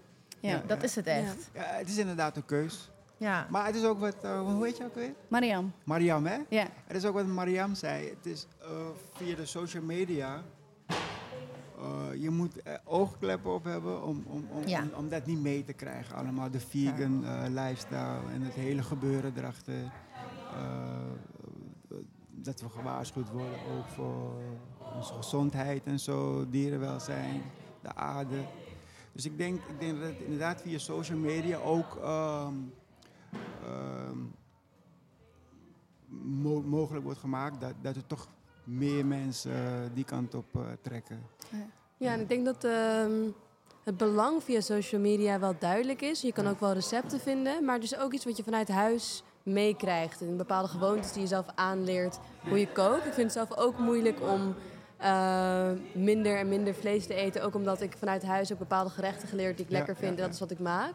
Heb je misschien een tip aan mensen van als je minder vlees wil gaan eten of wil wat een, iets lekkers veganistisch proberen? Wat is een soort van beginner-proof recept dat je zou aanraden? Ehm, hmm. Eh, ik kan zo 1, 2, 3. eh, niet Ik zou zeggen bonen. Ja, bonen. Een bonus Ja, ik, ik, voor meze- ik, ik heb gewoon altijd vlees gewoon weggelaten. Gewoon een recept en dan ja, geen vlees. En, en- ja, geen vlees. En, en misschien een beetje extra groente erbij. Of inderdaad bonen extra erbij. het hoeft niet altijd, eh, je hoeft niet altijd het vlees te vervangen. Maar, Nee. maar je zorgt dat je bord eh, wat meer kleur krijgt. Of wat meer, eh, Nice. ja. Nee, want heel veel gerechten is dan van het vlees is het middelpunt van het gerecht. Ja. En ik denk dat echt lekker vegetarisch en veganistisch eten met mijn vrienden maken, dan is het, gaat het meer om ja, bepaalde groentes die je kiest die Ja. gewoon heel veel smaak hebben en dat je daar het recept omheen bouwt. Ja. ja, maar in, in, in de Surinaamse cultuur, als je, als je oudere mensen spreekt vanuit de Surinaamse cultuur, dan zeggen ze dat het vroeger ook niet zo was. Precies. Het, gere- ja. het, gerecht, het gerecht werd genoemd naar de groenten die je had, Hmm. die je erbij had, of die je klaarmaakte. Oh, noem eens wat voorbeelden. Eh, nou, eh, bijvoorbeeld, ehm, eh, nee, eigenlijk alle groentes. Een bita, je had bitawiri, Hmm. je had kousenband. Hmm. Je had geen kip met Hmm. Oh, ja, ja. kousenband of kip met eh ehm, bitawiri. Maar nu, is het, nu, is het- nu, nu wordt het gerecht naar, de, naar het vleessoort genoemd, Ja, terwijl het vroeger anders eh, was. Ja, heel herkenbaar. Want ik heb dus ook door, terwijl ik had gemakkelijk met mijn familie kunnen praten om hier achter te komen, maar de meeste van mijn familie wonen in Marokko. En dan kwam ik er ook achter van hoe de Marokkaanse keuken eigenlijk helemaal geen vlees gecentreerd Ja, ehm, eh, cuisine is. klopt. Maar dat het veel ging over bonen, veel soepen. ja. But you know why though? It's, it's very simple. Hè? It's, it's the same thing in Ethiopië. Je at niet elke dag vlees, want vlees was duur. Ja. Je, re- mensen met geld konden een kip kopen en slachten.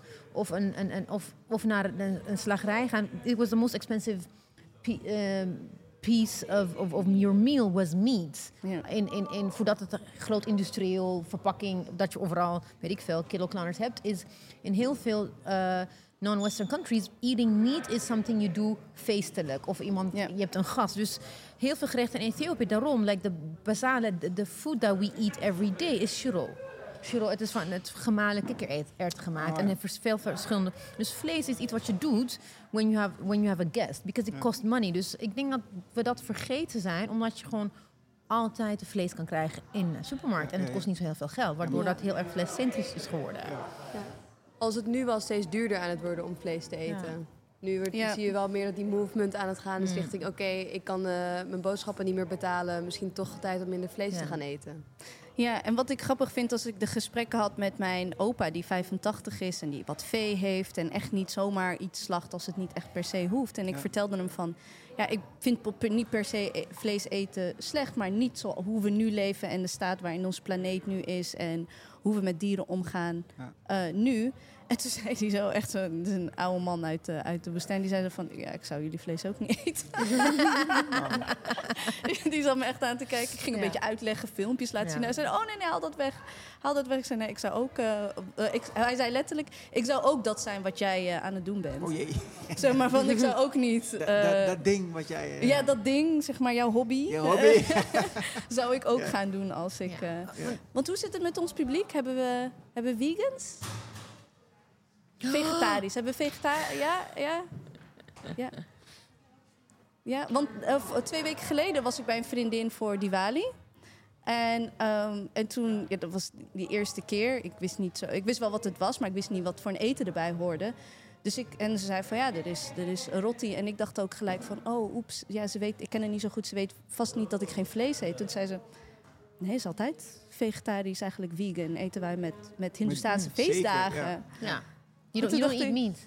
Uh, they don't, they- Because the cow is holy. Dat bedoel ik, dus dat is ook wat ik ken. Ik, ik, ik ben Indi- eh, I went to an Indian school in Ethiopië. Dus ik ken al die dingen waar er, er zijn landen inderdaad waar, of even uh, if, it, with, if it's Lebanese or Middle Eastern, er zijn heel veel groente-centric, kikkererwten, bonen, linzen-centric food. Dat ken ik. Dus da, dat is ook ergens mijn weerstand tegen white people telling me dat ik vegan moet zijn. Ik van jullie weten helemaal niet waar ik vandaan kom en wat precies. mijn eh, Keuken. keuken is. En ik, ik, ook ergens heb ik, ja, inderdaad, de vleesindustrie is erg, maar waar? Maar als je kijkt naar waar die industrie zo groot is, is het in Ethiopië? Nee. Nee, nee, Dus hier in Europa. Ik denk van, go sort your shit out and tell the global south hoe wij ons leven... Dat is mijn weerstand tegen dat, dat, dat saviorism. Da- daarom ben ik ook van, ja, ik ga mijn moeders eten gewoon niet opgeven. Dat, dat is heel simpel. You shouldn't. Want even te- om terug te komen, Martin. Denk jij dat als jij twintig jaar geleden eh Jamaya's Corner was begonnen... zonder zeg maar de platformen die jullie hebben op social media... jullie website, jullie Instagram, et cetera... dat jullie dezelfde reach hadden gehad? Nee, 20 jaar geleden zeker Nee. niet. Nee. Misschien in deze tijd zonder social media, misschien wel, maar, maar toen de tijd sowieso niet. Nee. Nee. Nee, nee. En hoe, hoe lang doen jullie... eh, Eh, we zijn drie jaar geleden begonnen. Ja, echt heel tof. Echt heel, heel, heel nice. Ik ken echt zoveel mensen die zo blij zouden zijn met... eh, Met? Met, met Jemaya's. eh, ik, ik kom uit Den Haag. En Oh, ja? wij, als, als wij, met wij is onze kleine gemeenschap vrienden. Als wij erachter komen dat er there's a new vegan place Ja, in ja, ja. town. Gaan we daar echt met z'n allen zo, zo naar de. Ja, maar dat is het ding. Dus dat, dat is dus wat ik realiseer. Eh, Amy, Amy Spangler is een vriendin van mij die ook al 20 jaar vegan is. Was in Amsterdam. En ze woont in Turkije, in Istanbul. En it's difficult there. Hm? Ja, ze woont in Istanbul, ja. En, eh, maar ze vindt het wel lastig om echt gevarieerd te eten. En ik weet gewoon, ik ben niet vegan, maar ik heb vegan. Dus ik wist gewoon dat ik zou haar. Ik heb echt alles uitgezocht wat ik. Zelfs waar ik woon in de Pijp heb je vijf, zes, zeven restaurants. Hè? Ja. Van alle. Dat is echt een voordeel aan Ja, Amsterdam. Maar ook, Ja. wat ik niet zelf doorhad, de Albert Heijn op de Cornelis Troostplein heeft schappen vol alles is vegan. Kip curry, eierensalade, filet américain. Alles hebben ze nagebootst. ik stond boter, eh, Philadelphia, everything. Gewoon, het- je hoeft niet meer naar Eco. Vroeger moest je naar Ecoplaza en je betaalde je blauw. Nu kan je gewoon, Albert Heijn heeft een eigen merk. Schappen vol. Dus Amy, ik heb een foto van haar dat ze echt. ver- ze wist niet wat ze moest doen. Ze, ze bleef maar een week bij mij. We hebben echt dingen gekocht thuis. En it's really. Je hebt keus. Als je in de stad woont, je hebt keus. En ik denk Leuk van. hè? Ja. Eh, Nee, maar ik vind, ik, ik vind het ook wel heel tof dat. eh, het is niet meer iets voor alleen maar mensen met heel veel geld. Nee, klopt. En ik denk, ja. dus als je, al heb je weinig geld en je denkt van, ik wil wel echt gewoon mijn leven veranderen. Het hoeft Be- niet meer zo beteren. Het hoeft niet meer zo eh, duur te zijn. Nee, klopt. Dus ik zou zeggen, go for it. En af en toe wel een beetje amazing. Ja, want eh, het was voor. Ik kan me ook zeg maar. Want volgens mij is het nu zeg maar dat als je haver. Bij sommigen, niet allemaal, dat je havermelk bij je koffie wilt, dan hoef je daar niet meer extra voor Nee. te betalen. En hoe zag jij dat zeg maar in de afgelopen twintig jaar dat eh vegan zijn als een soort van ja, bijna een elite lifestyle? Was, hoe Eh, heb ik, jij. ik heb het zo nooit ervaren. Ik, eh, ik, ja. In wat voor bubbel leefde jij? Nee, ja, ik weet, het, ik weet het niet. Maar ik, ik kwam natuurlijk wel dingen tegen dat, dat ik weer eh, frietjes moest eten of zo. Hmm. Ehm, omdat eh Er was niks. niks anders was. Maar, maar dat het voor elite was of iets in die geest, dat- zo heb ik dat niet eh, ervaren. Ah, oké. Want ja, ik, ik, soms kijk ik wel op dat ik denk zo van... Yo, het is maar Mm. vegan banana bread. Dit hoeft echt niet 6,50 euro Ja, te zijn. ja, dat, Mm. ja, dat, dat, Begrijp je wat ik bedoel? Dan Dat ga je, wel, dat ik echt denk van, yo, ik maak Ja. hem wel oh, thuis. op, die, op die manier. Ja. eh, ja, dus dat je, dan- gaat, dat je dan, hè, dan, ga- dan zeg je, ja, doe maar de ba- bana bananenbrood is heel gemakkelijk vegan te maken. Ja. Eh, in plaats van eieren doe je gewoon baking powder. Ja. En, maar goed, dan wordt het echt gemarket Hmm. als, weet je, this, this mind-blowing vegan banana bread. En dan gaat er gewoon 2 euro bij opeens. En dan heb je een koffie erbij en voor je het weet ben je 13 euro verder. Ja, maar ook bijvoorbeeld, dus wat ik zei met in Ecoplaza, before, voordat markt met een Q eh, bestond, heel veel mensen die dan vegan waren, gingen naar dat, dat soort plekken om echt, omdat je dan gevarieerde aanbod had qua al die zaden. En ik snapte nooit, want mijn man, die was ook heel lang vegetarian en dan vegan. En hij ging naar Ecoplaza en ik zei, Albert Kuip is om de hoek, ga gewoon daar linzen halen, gewoon Ja. in zakken. Maar, Drie kilo. maar ze zijn te beroerd om naar de toko te gaan, waar je hetzelfde product kan kopen, voordelig. Maar nee, Ecoplaza, want ik ben vegan. Dat, dat Ja, haatte ik gewoon, Maar nog Ecopla- steeds. Ecoplaza heeft ook natuurlijk ook biologisch. Onbespoten. Dat, Ah, ja. dat. Zeggen ze. Zeggen het is ze. allemaal maar, come on, we've been here before. We moeten wel een Het is allemaal beetje die- vertrouwen Nee, hebben. nee, nee, nee, niet meer. Als, je je gaat, nee, als je je in gaat verdiepen over die, die groen labels, het is allemaal eh capitalism. Ja. Dus Maar, maar daarom is het ook mooi om, eh, want daar zijn we ook, eh, maken we ons ook heel hard voor, om zoveel mogelijk eh, lokaal Ja. in te kopen. Bij, bij de boeren en zo, groentes en fruit. Mhm.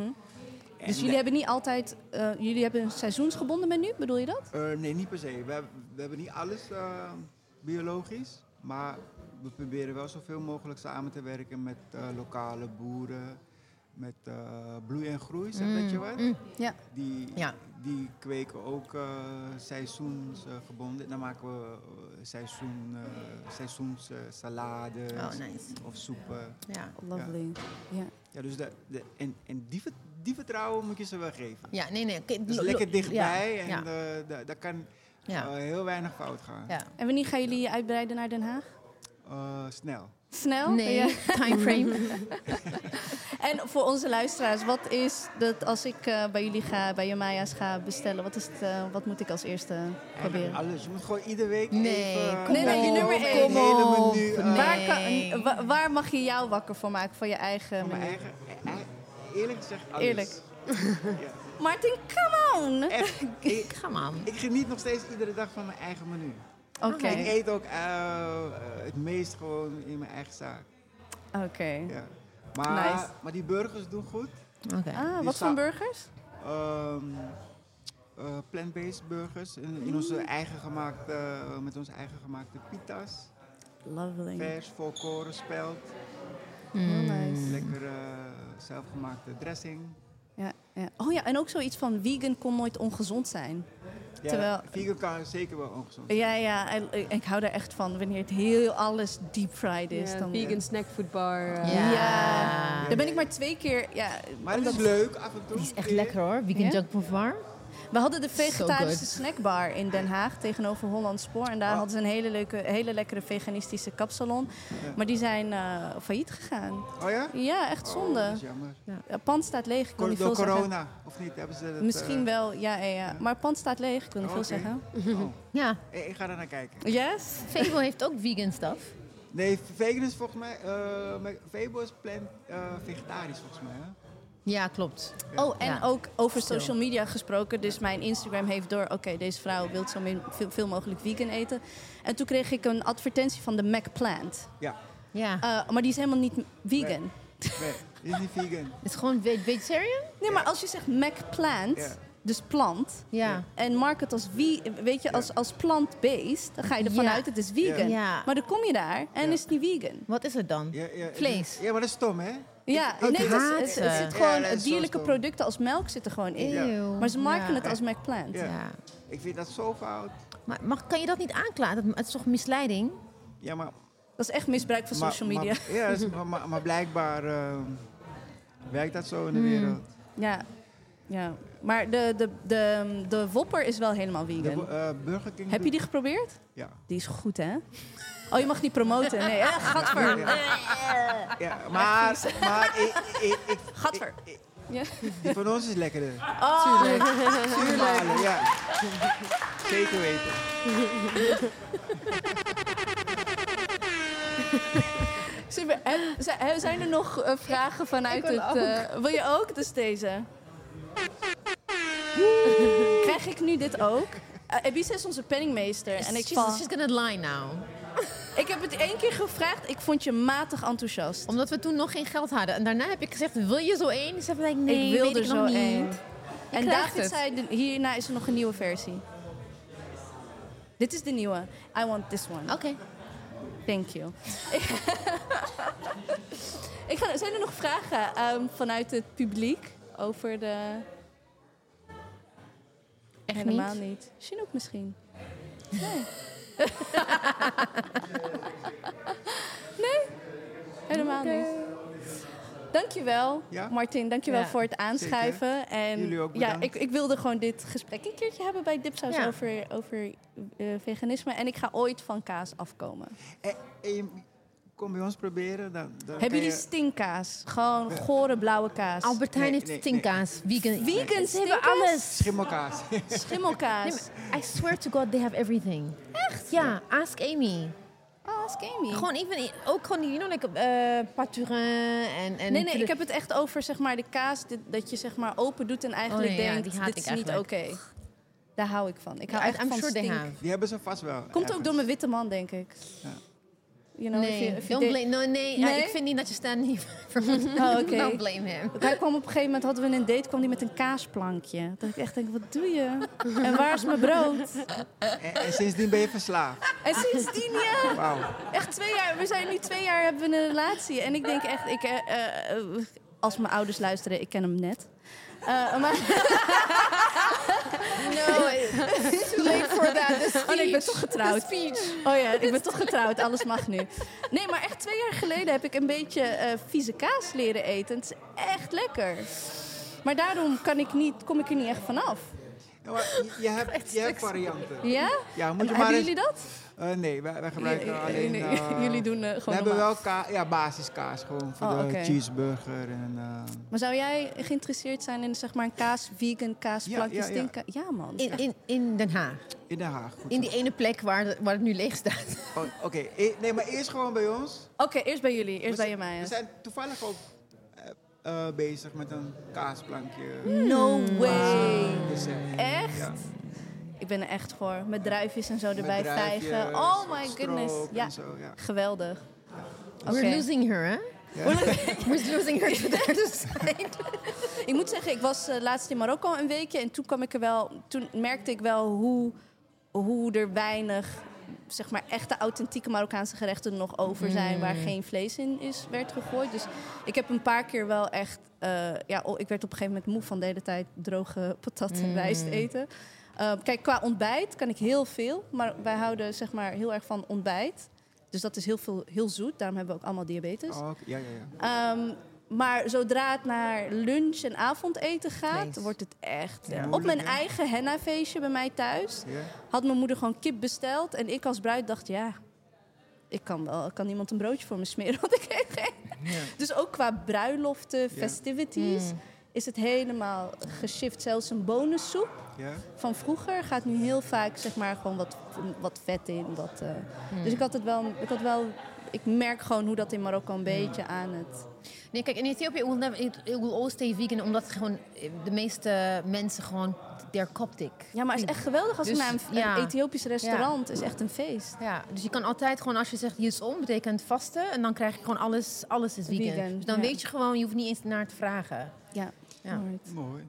Ik heb, ik heb ook, eh, is het Ethiopisch volgens mij? Hoe heet dat, eh, dat zure brood? Injera, ja. Injera, ja, is. Ethiopisch ja. hè? Ja, ja. lekker. Met eh, veel... eh, Ja, groenten, heel veel Groenten. linzen. Ja.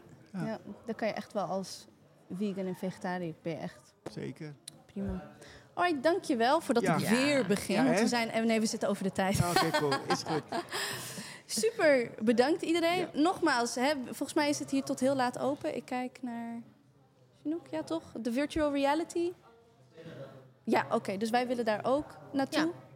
En dan eh, gaan we daar weer ontdekken en zien we jullie straks weer. Dankjewel.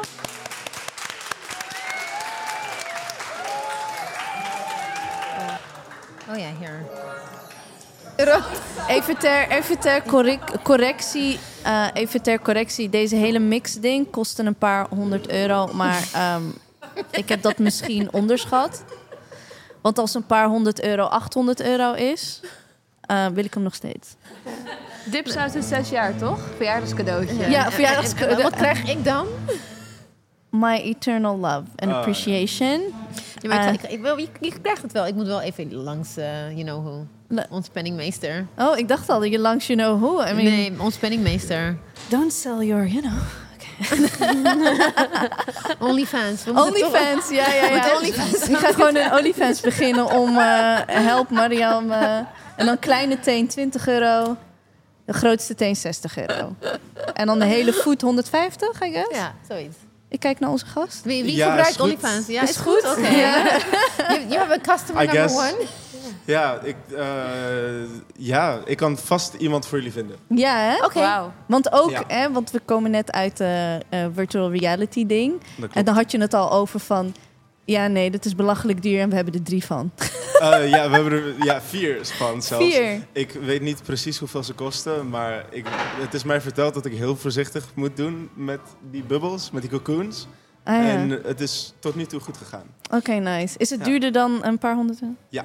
Oh, oké. Nee, die wil ik niet. Die Nee. is even onze Maar wacht even, Nee. dus in virtual reality kan je ook gewoon OnlyFans dingen doen in virtual reality? Eh, OnlyFans ja. dingen doen. Oeh. Ja. Niet, niet met onze experience tenminste, Oh. maar, maar wel met... Ja, eh, er is... ehm, nou ja, ja, de grap is een beetje van VR dat het ook is gestart vanwege Klopt. mensen die vieze dingen wilden doen. Ja, en dan het meer realistisch. We don't judge.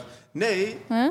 maar dat is de realiteit. Ja, Dat oh, oké. realiteit. Ik vond het best intiem worden. Maar daar ga ik straks over Zeker. vertellen. Oh. Welkom iedereen bij de laatste ronde. Ehm, we mogen het niet zo lang meer eh, doen zoals net. Oh my god, everything sounds like...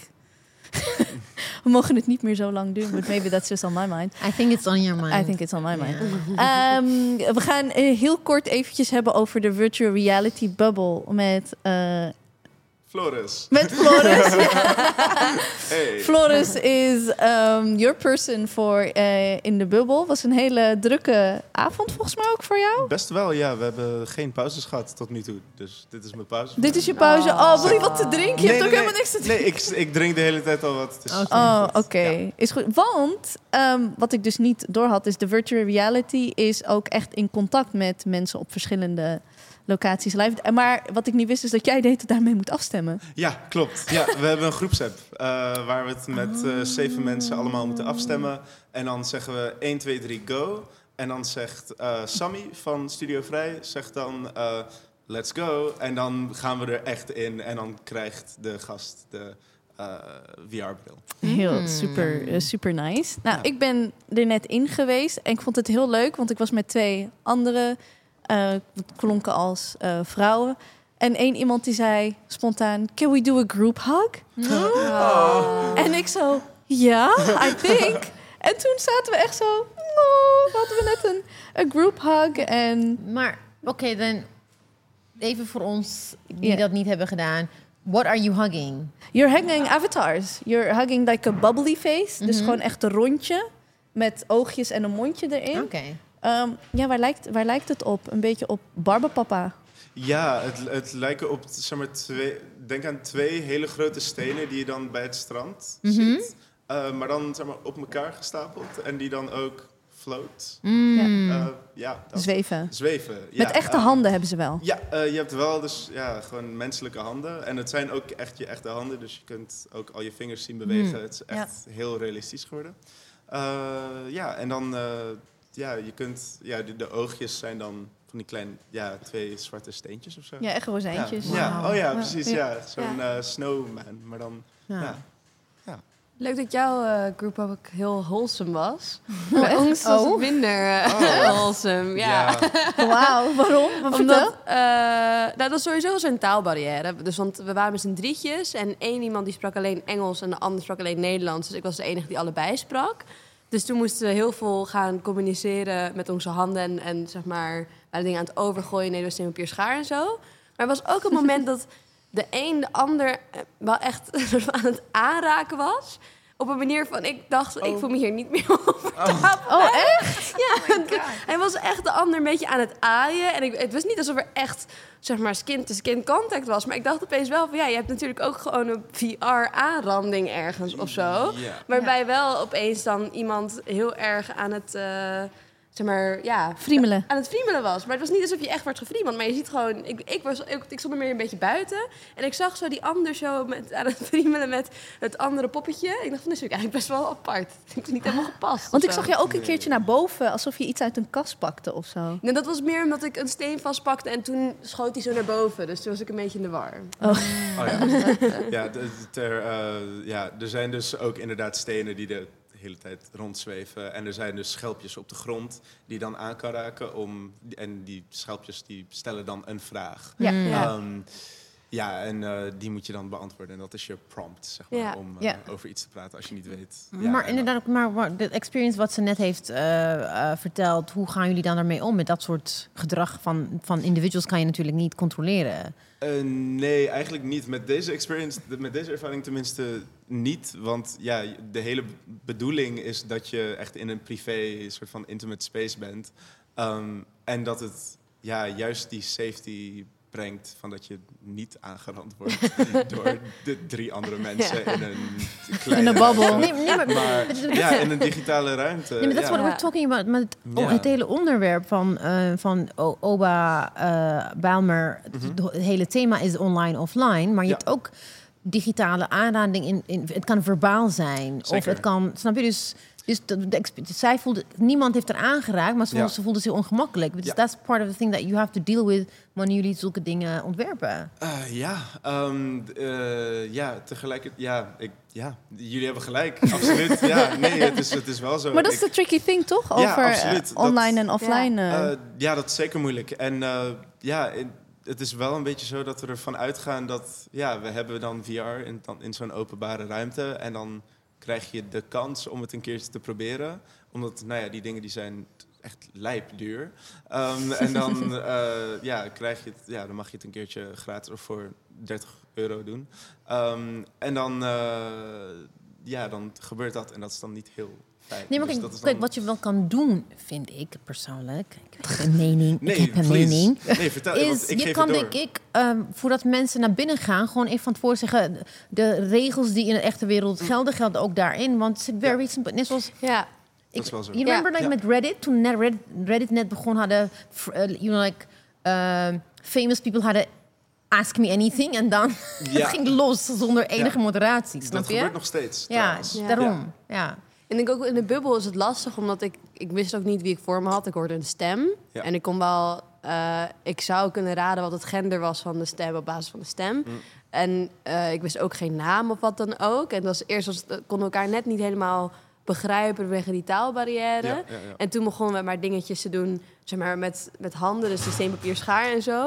En het ging toen steeds een beetje verder. Toen begon iemand opeens de ander te aaien. En op zich is er niks aan de hand, want dan was het maar een beetje aaien. Maar toch was er ergens ontstond er een sfeer van. Ik dacht, ja, ik wou dat er iets van een repercussion kon zijn. Stel, dat ging opeens echt heel ver. Ja. Eh, dat het ergens gemodereerd zou kunnen worden. En dat er dan nog wel real-life consequences waren aan het feit dat iemand dat eventjes in die bubbel van vijf Ja. minuutjes deed. Ehm, ik denk wel dat. ehm, ja, er is dus in het begin eh, komt Sami, onze eh, lieve host. En Oh ja. medeoprichter van Studio Vrij. Die komt dan even alles uitleggen, toch? En ik denk dat dat er dan gewoon bij hoort. Eh, Ja. Dat hij dan meteen vertelt van. Hey, eh, doe even normaal. Als Ja. je. Eh, het zijn ook gewoon mensen. Mm. Ja. Eh, op dezelfde manier waar je op het internet hebt.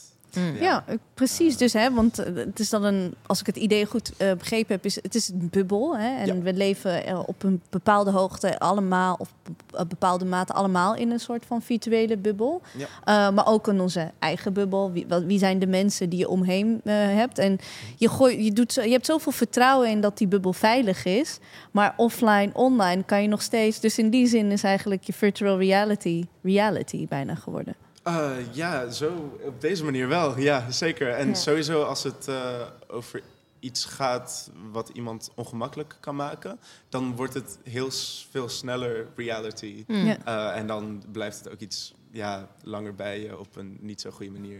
Want het Eh, grappige is, je, ik heb eh, één schelp, nee, dan, dan ont, ontketen je een vraag. En dan stond, Ja. wat, we, wat wil je vertellen over wat niemand anders weet? We hebben er alle drie geen antwoord op gegeven. Dat is eh, inderdaad Ja. een hele En want ik, ik zei echt zo van, wow, that's a little bit private. En toen zijn we zelf ik, Ja.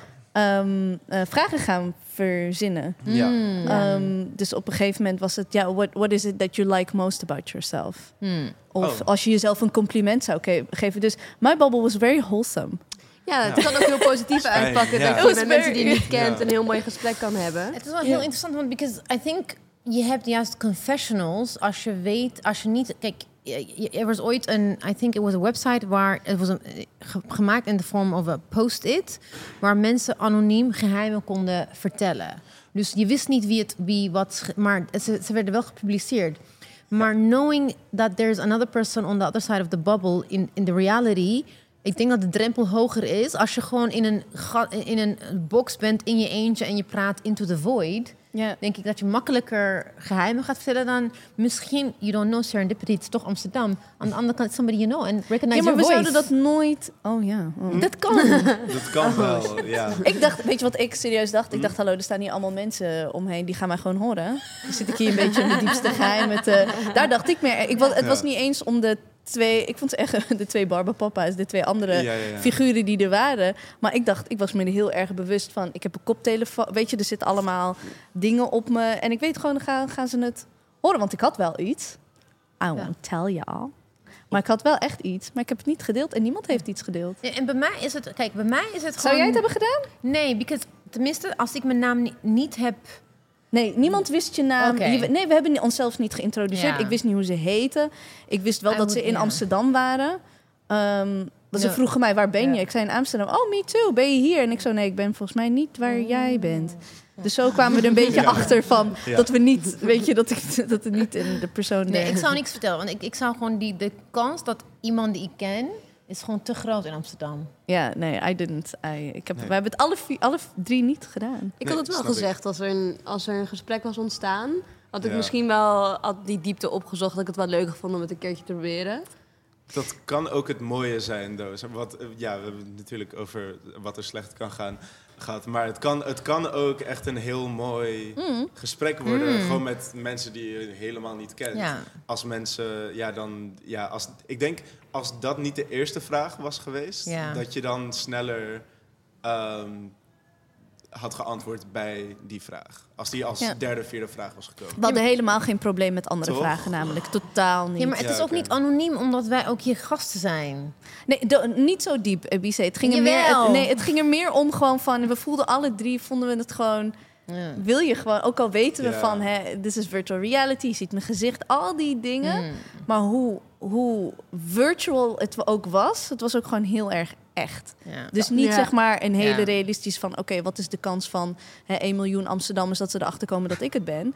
Het ging er gewoon om van... Ah, weet je, Mm. eh, ik, nog niet. Ja, maar misschien, ja, misschien is dan de vraag: is virtual reality te echt geworden nu of zo? Maybe. Het voelde in ieder geval best... Het, wa- het waren gewoon echte mensen. Het is moeilijker dan met een chatbot bijvoorbeeld. Ja. Met een chatbot Ja. dan, dan heb je niet echt door wie er nou echt voor je zit Ja. en met wie je in gesprek bent. En nu was er een stem, er was iets wat leek op Hmm. een lichaam. Ja, je ja, zag ja. handen en die handen, mijn, de handen die ik zag waren wel echt heel erg mijn eigen handen. Ja, klopt. Dus op die manier werd het wel steeds persoonlijker. Ja, en je voelt ook oprecht dat je in die wereld zit. Gewoon visueel Ja. tenminste. Eh, dan switcht je brein wel helemaal naar deze wereld klopt. Want heb jij een, zeg maar, een ervaring gehad die je wilt... eh, Eh, niet, niet met dit spel tenminste. Ik heb het... ehm, eh, vorig jaar waren we bij VR Days. Eh, dat is een heel VR-festival die in Oba Oosterdok is gebeurd toen. En ja, toen hebben we eigenlijk een beetje van alles meegemaakt. Maar dat was ook overdag. Ik denk ook dat er ergens... Ja, dat het er ook in zit dat als het na zeven uur gebeurt... of dat als het in de Mm. avond gebeurt... dat mensen ook iets anders... gewoon een andere kant op gaan... dan als ze iets overdag doen. Ja. Ehm, ja, ik denk dat jullie ook wel weten waar ik het over heb. Ja. Het is gewoon een beetje... Ja. en ook het interpreteren van dat A, je had overdag misschien minder intiem gevoeld dan als ik eh, dan nu zeg maar dat Misschien- het 's avonds is. Misschien, ja. Ja, true. Maar ehm, ja, toen hebben we ook echt van alles meegemaakt. Eh, toen zaten er vier cocoons in Oba Oosterdok op eh, vier verdiepingen. Eh, en toen was... Ja, toen hebben we gewoon eigenlijk alleen maar geouwehoerd een beetje. Iemand, niemand, niemand heeft echt een heel crazy gesprek gehad. Eh, we hadden twee mensen die er huilend uitkwamen. Daarna wel. Ehm, maar dat is omdat er een paar vragen werden gevraagd. Dat- Maar dat waren gewoon persoonlijke dingen. Dat waren gewoon Oh. mensen die niet zo lief waren. Oh. Oh, jeetje. Ja, dus ja, dat kan dan ook. En die werden dan getriggerd door iets wat zij zeiden. Maar die hebben niet per Ehm, se een systeem waarbij dan de ene gespreksleider of de ene begeleider de andere begeleider appt van hé, hey, hier is iets gebeurd. Eh, Nee. Want nee, nee als in, als in, het, is, het, is er, het is daarna wel gebeurd. Ja. Maar het zou, er eigenlijk, het zou eigenlijk tijdens het Mm. ding moeten gebeuren.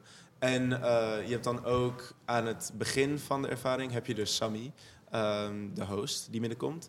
Maar ja, die gaat dan na zijn introductie gaat hij weer weg, als het goed is, toch? Ja, ja, en- Ehm, ja. En dan komt hij aan het einde weer terug van, wow, jullie verdwijnen. Wow. Ja, ja, ja, ja. En, ehm, Terwijl wij hadden echt nog wel door kunnen gaan. ja, tuurlijk, tuurlijk. Maar ja, het is wel, ja, het, maar ja, het is nu niet zo druk. Maar eh, het was Hmm. het, ja, hiervoor. En- Diepstorm. ja, en in stedelijk eh, is er nu echt een, hele lange rij. Mila is volgeboekt tot en met het einde. Dus, Oh, eh, wauw. Ja, het is, eh, ja, ik kan jullie later wel een foto laten zien. Het is wel echt Oh, echt gewoon een rij daar? Ja, Oh, is, Ja. en er staat een heel publiek eh om Ja, ik, ik snap het ook wel. ja. ja. En dan ik- snap ik ook tegelijkertijd dat het iets minder persoonlijk wordt als je weet, als je in die rij hebt gestaan. Mm.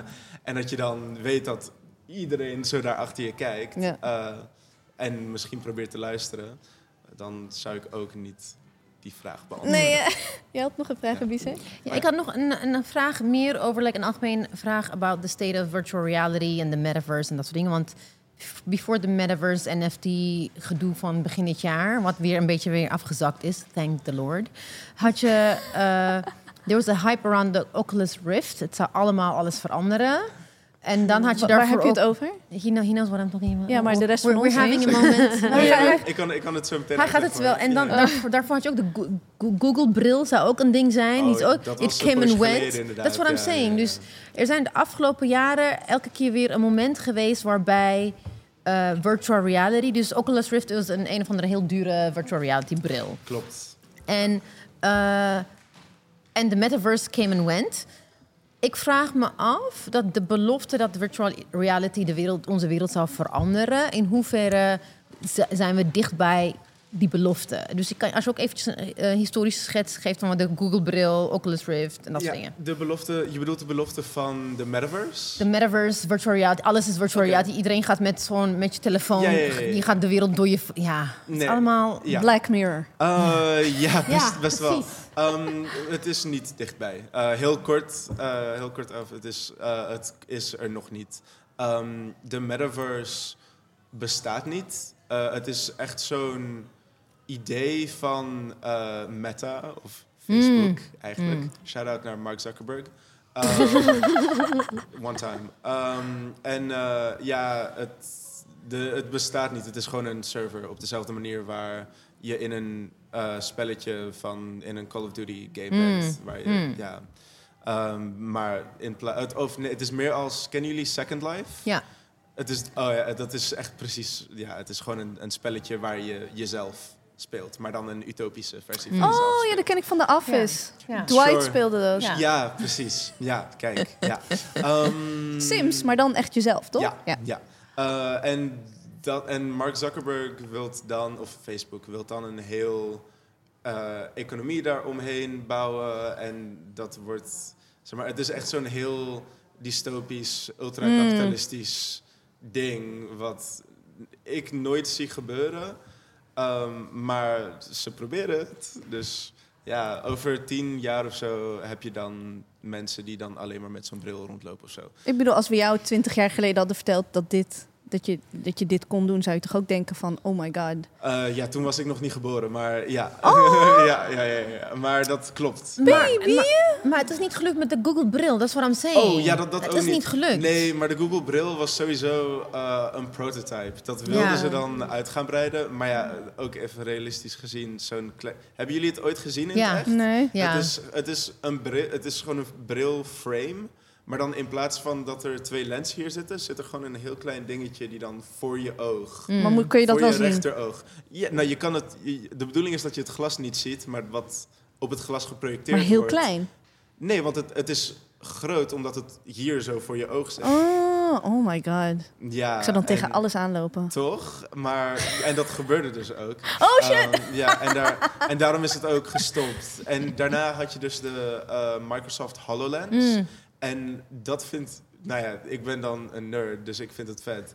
Eh, maar het is echt een... Dat is dan je hele huis digitaliseren. Dus oh no. eigenlijk is dan de bedoeling dus dat je eh, niks op je muur... Dat je gewoon vier witte muren hebt. Maar als je dan die bril opdoet... Oh my god. Dan Ja. is je hele wereld uit. Floris is Dus- shining. Ja. Komen glitters uit zijn Nee, ogen. Maar, ja, dus, zeg maar, als, het, als, het, als dat echt realistisch zou zijn, zou ik het echt vet vinden. Maar het werkt Mm. natuurlijk helemaal niet. Uh, want het is dan een bril die je opdoet. Uh, dan is het gewoon een heel groot lens. Mm. Een Oh, groot-. Het is eigenlijk een hele grote skibril. Of zo'n of zo'n hele grote Balenciaga Ja. wel. snap wel. Ja. En als het fashionable zou zijn, zou het wel sick zijn. Maar dat is het dus zeker Dat niet. zeker niet. Dat is het zeker niet. Je wilt niet ja, doodgevonden worden met zo'n ding op je Oh, oké. ik. Misschien Chinook wel. Zouden ze de bril niet vergeten? Hey. Oh.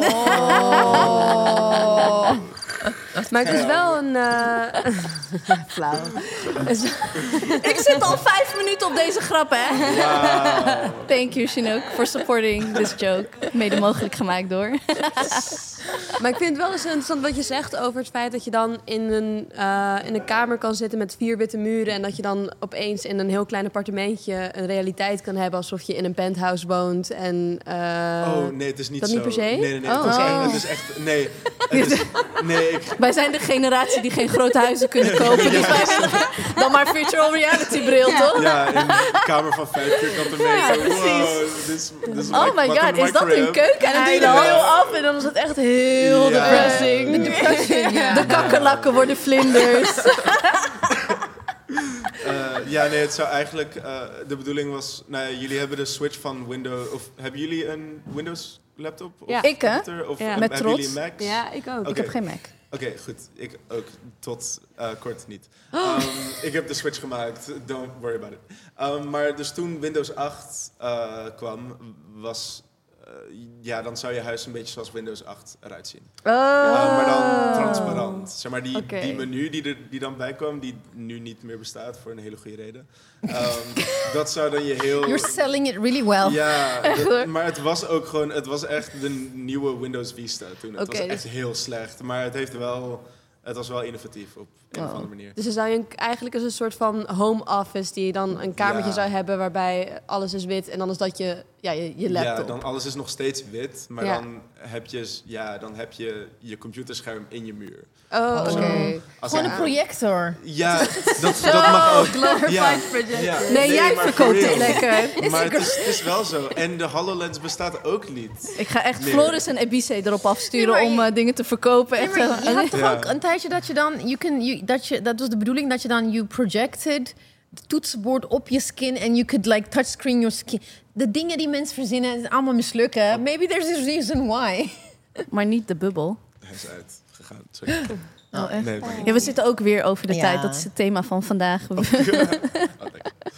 Ehm, Dus- wow, jullie ja. nee, we moeten, we moet moeten zeggen. We moeten afronden. afronden. Oh Maar ik Eh, wil wel nog een laatste call, want ik was dus gisteren... Ja, ik kan het niet laten. Ja, ja, doe, ik doe. was gisteren dus in gesprek met mensen eh, waarvan er ook iemand een eh, online modeontwerper was. Dus die online, alleen maar online kleding verkocht. En dat verkocht hij dan voor 150 euro dan een kledingstuk. En het bestaat alleen online. Dus dat is een beetje een NFT waarbij je de rechten tot het kledingstuk kon kopen. Oh, wow. En het gesprek dwaalde steeds verder af naar dat steeds meer eigendom ook online zal zijn. En op een gegeven moment dat je een realiteit hebt waarbij we, als we met 11 miljard mensen op de wereld zijn, we het niet meer kunnen redden met alle middelen die we hebben. En dat dan VR een uitweg gaat zijn waarbij we wel nog een redelijke realiteit kunnen hebben. En ik dacht, met de ervaring die ik vandaag heb gezien, dacht ik, nou, ik voelde me wel ergens verbonden met de mensen die ik sprak en zo. Mm, Dus het, is, het komt wel steeds dichter bij het kunnen verplaatsen van de realiteit, maar nog net niet helemaal. Maar wie weet waar we over 20, 30, 40, 50 jaar zijn.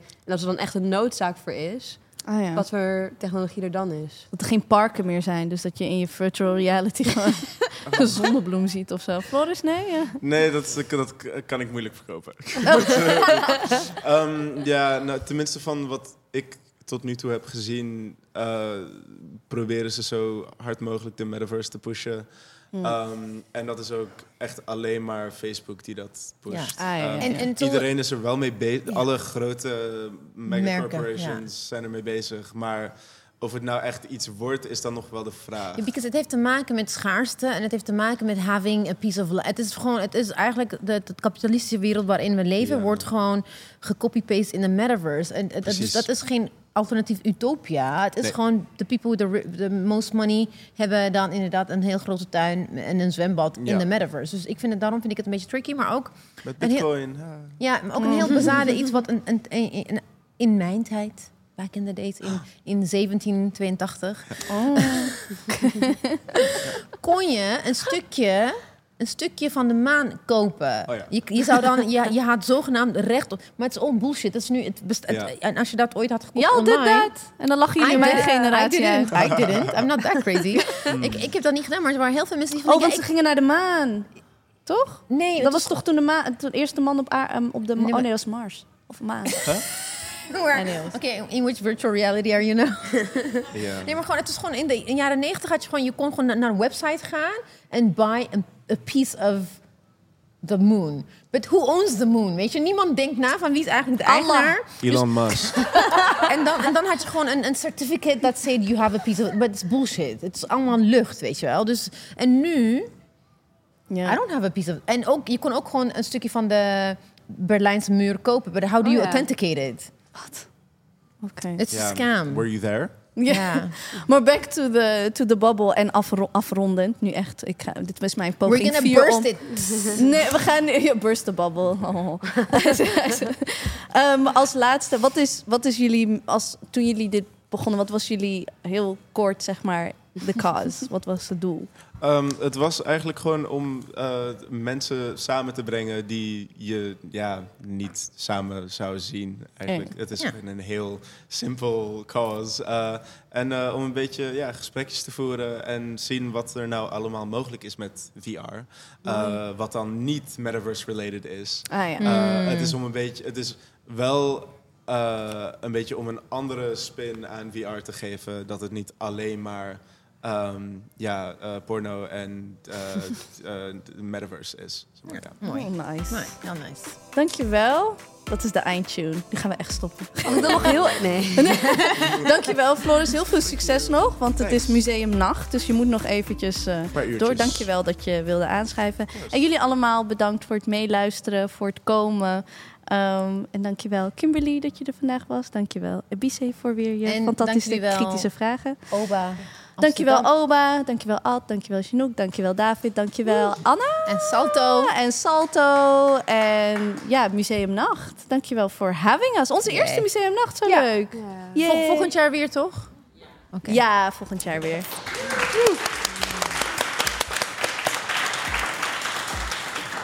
Die, dit is hem, dit is hem. Goed zo.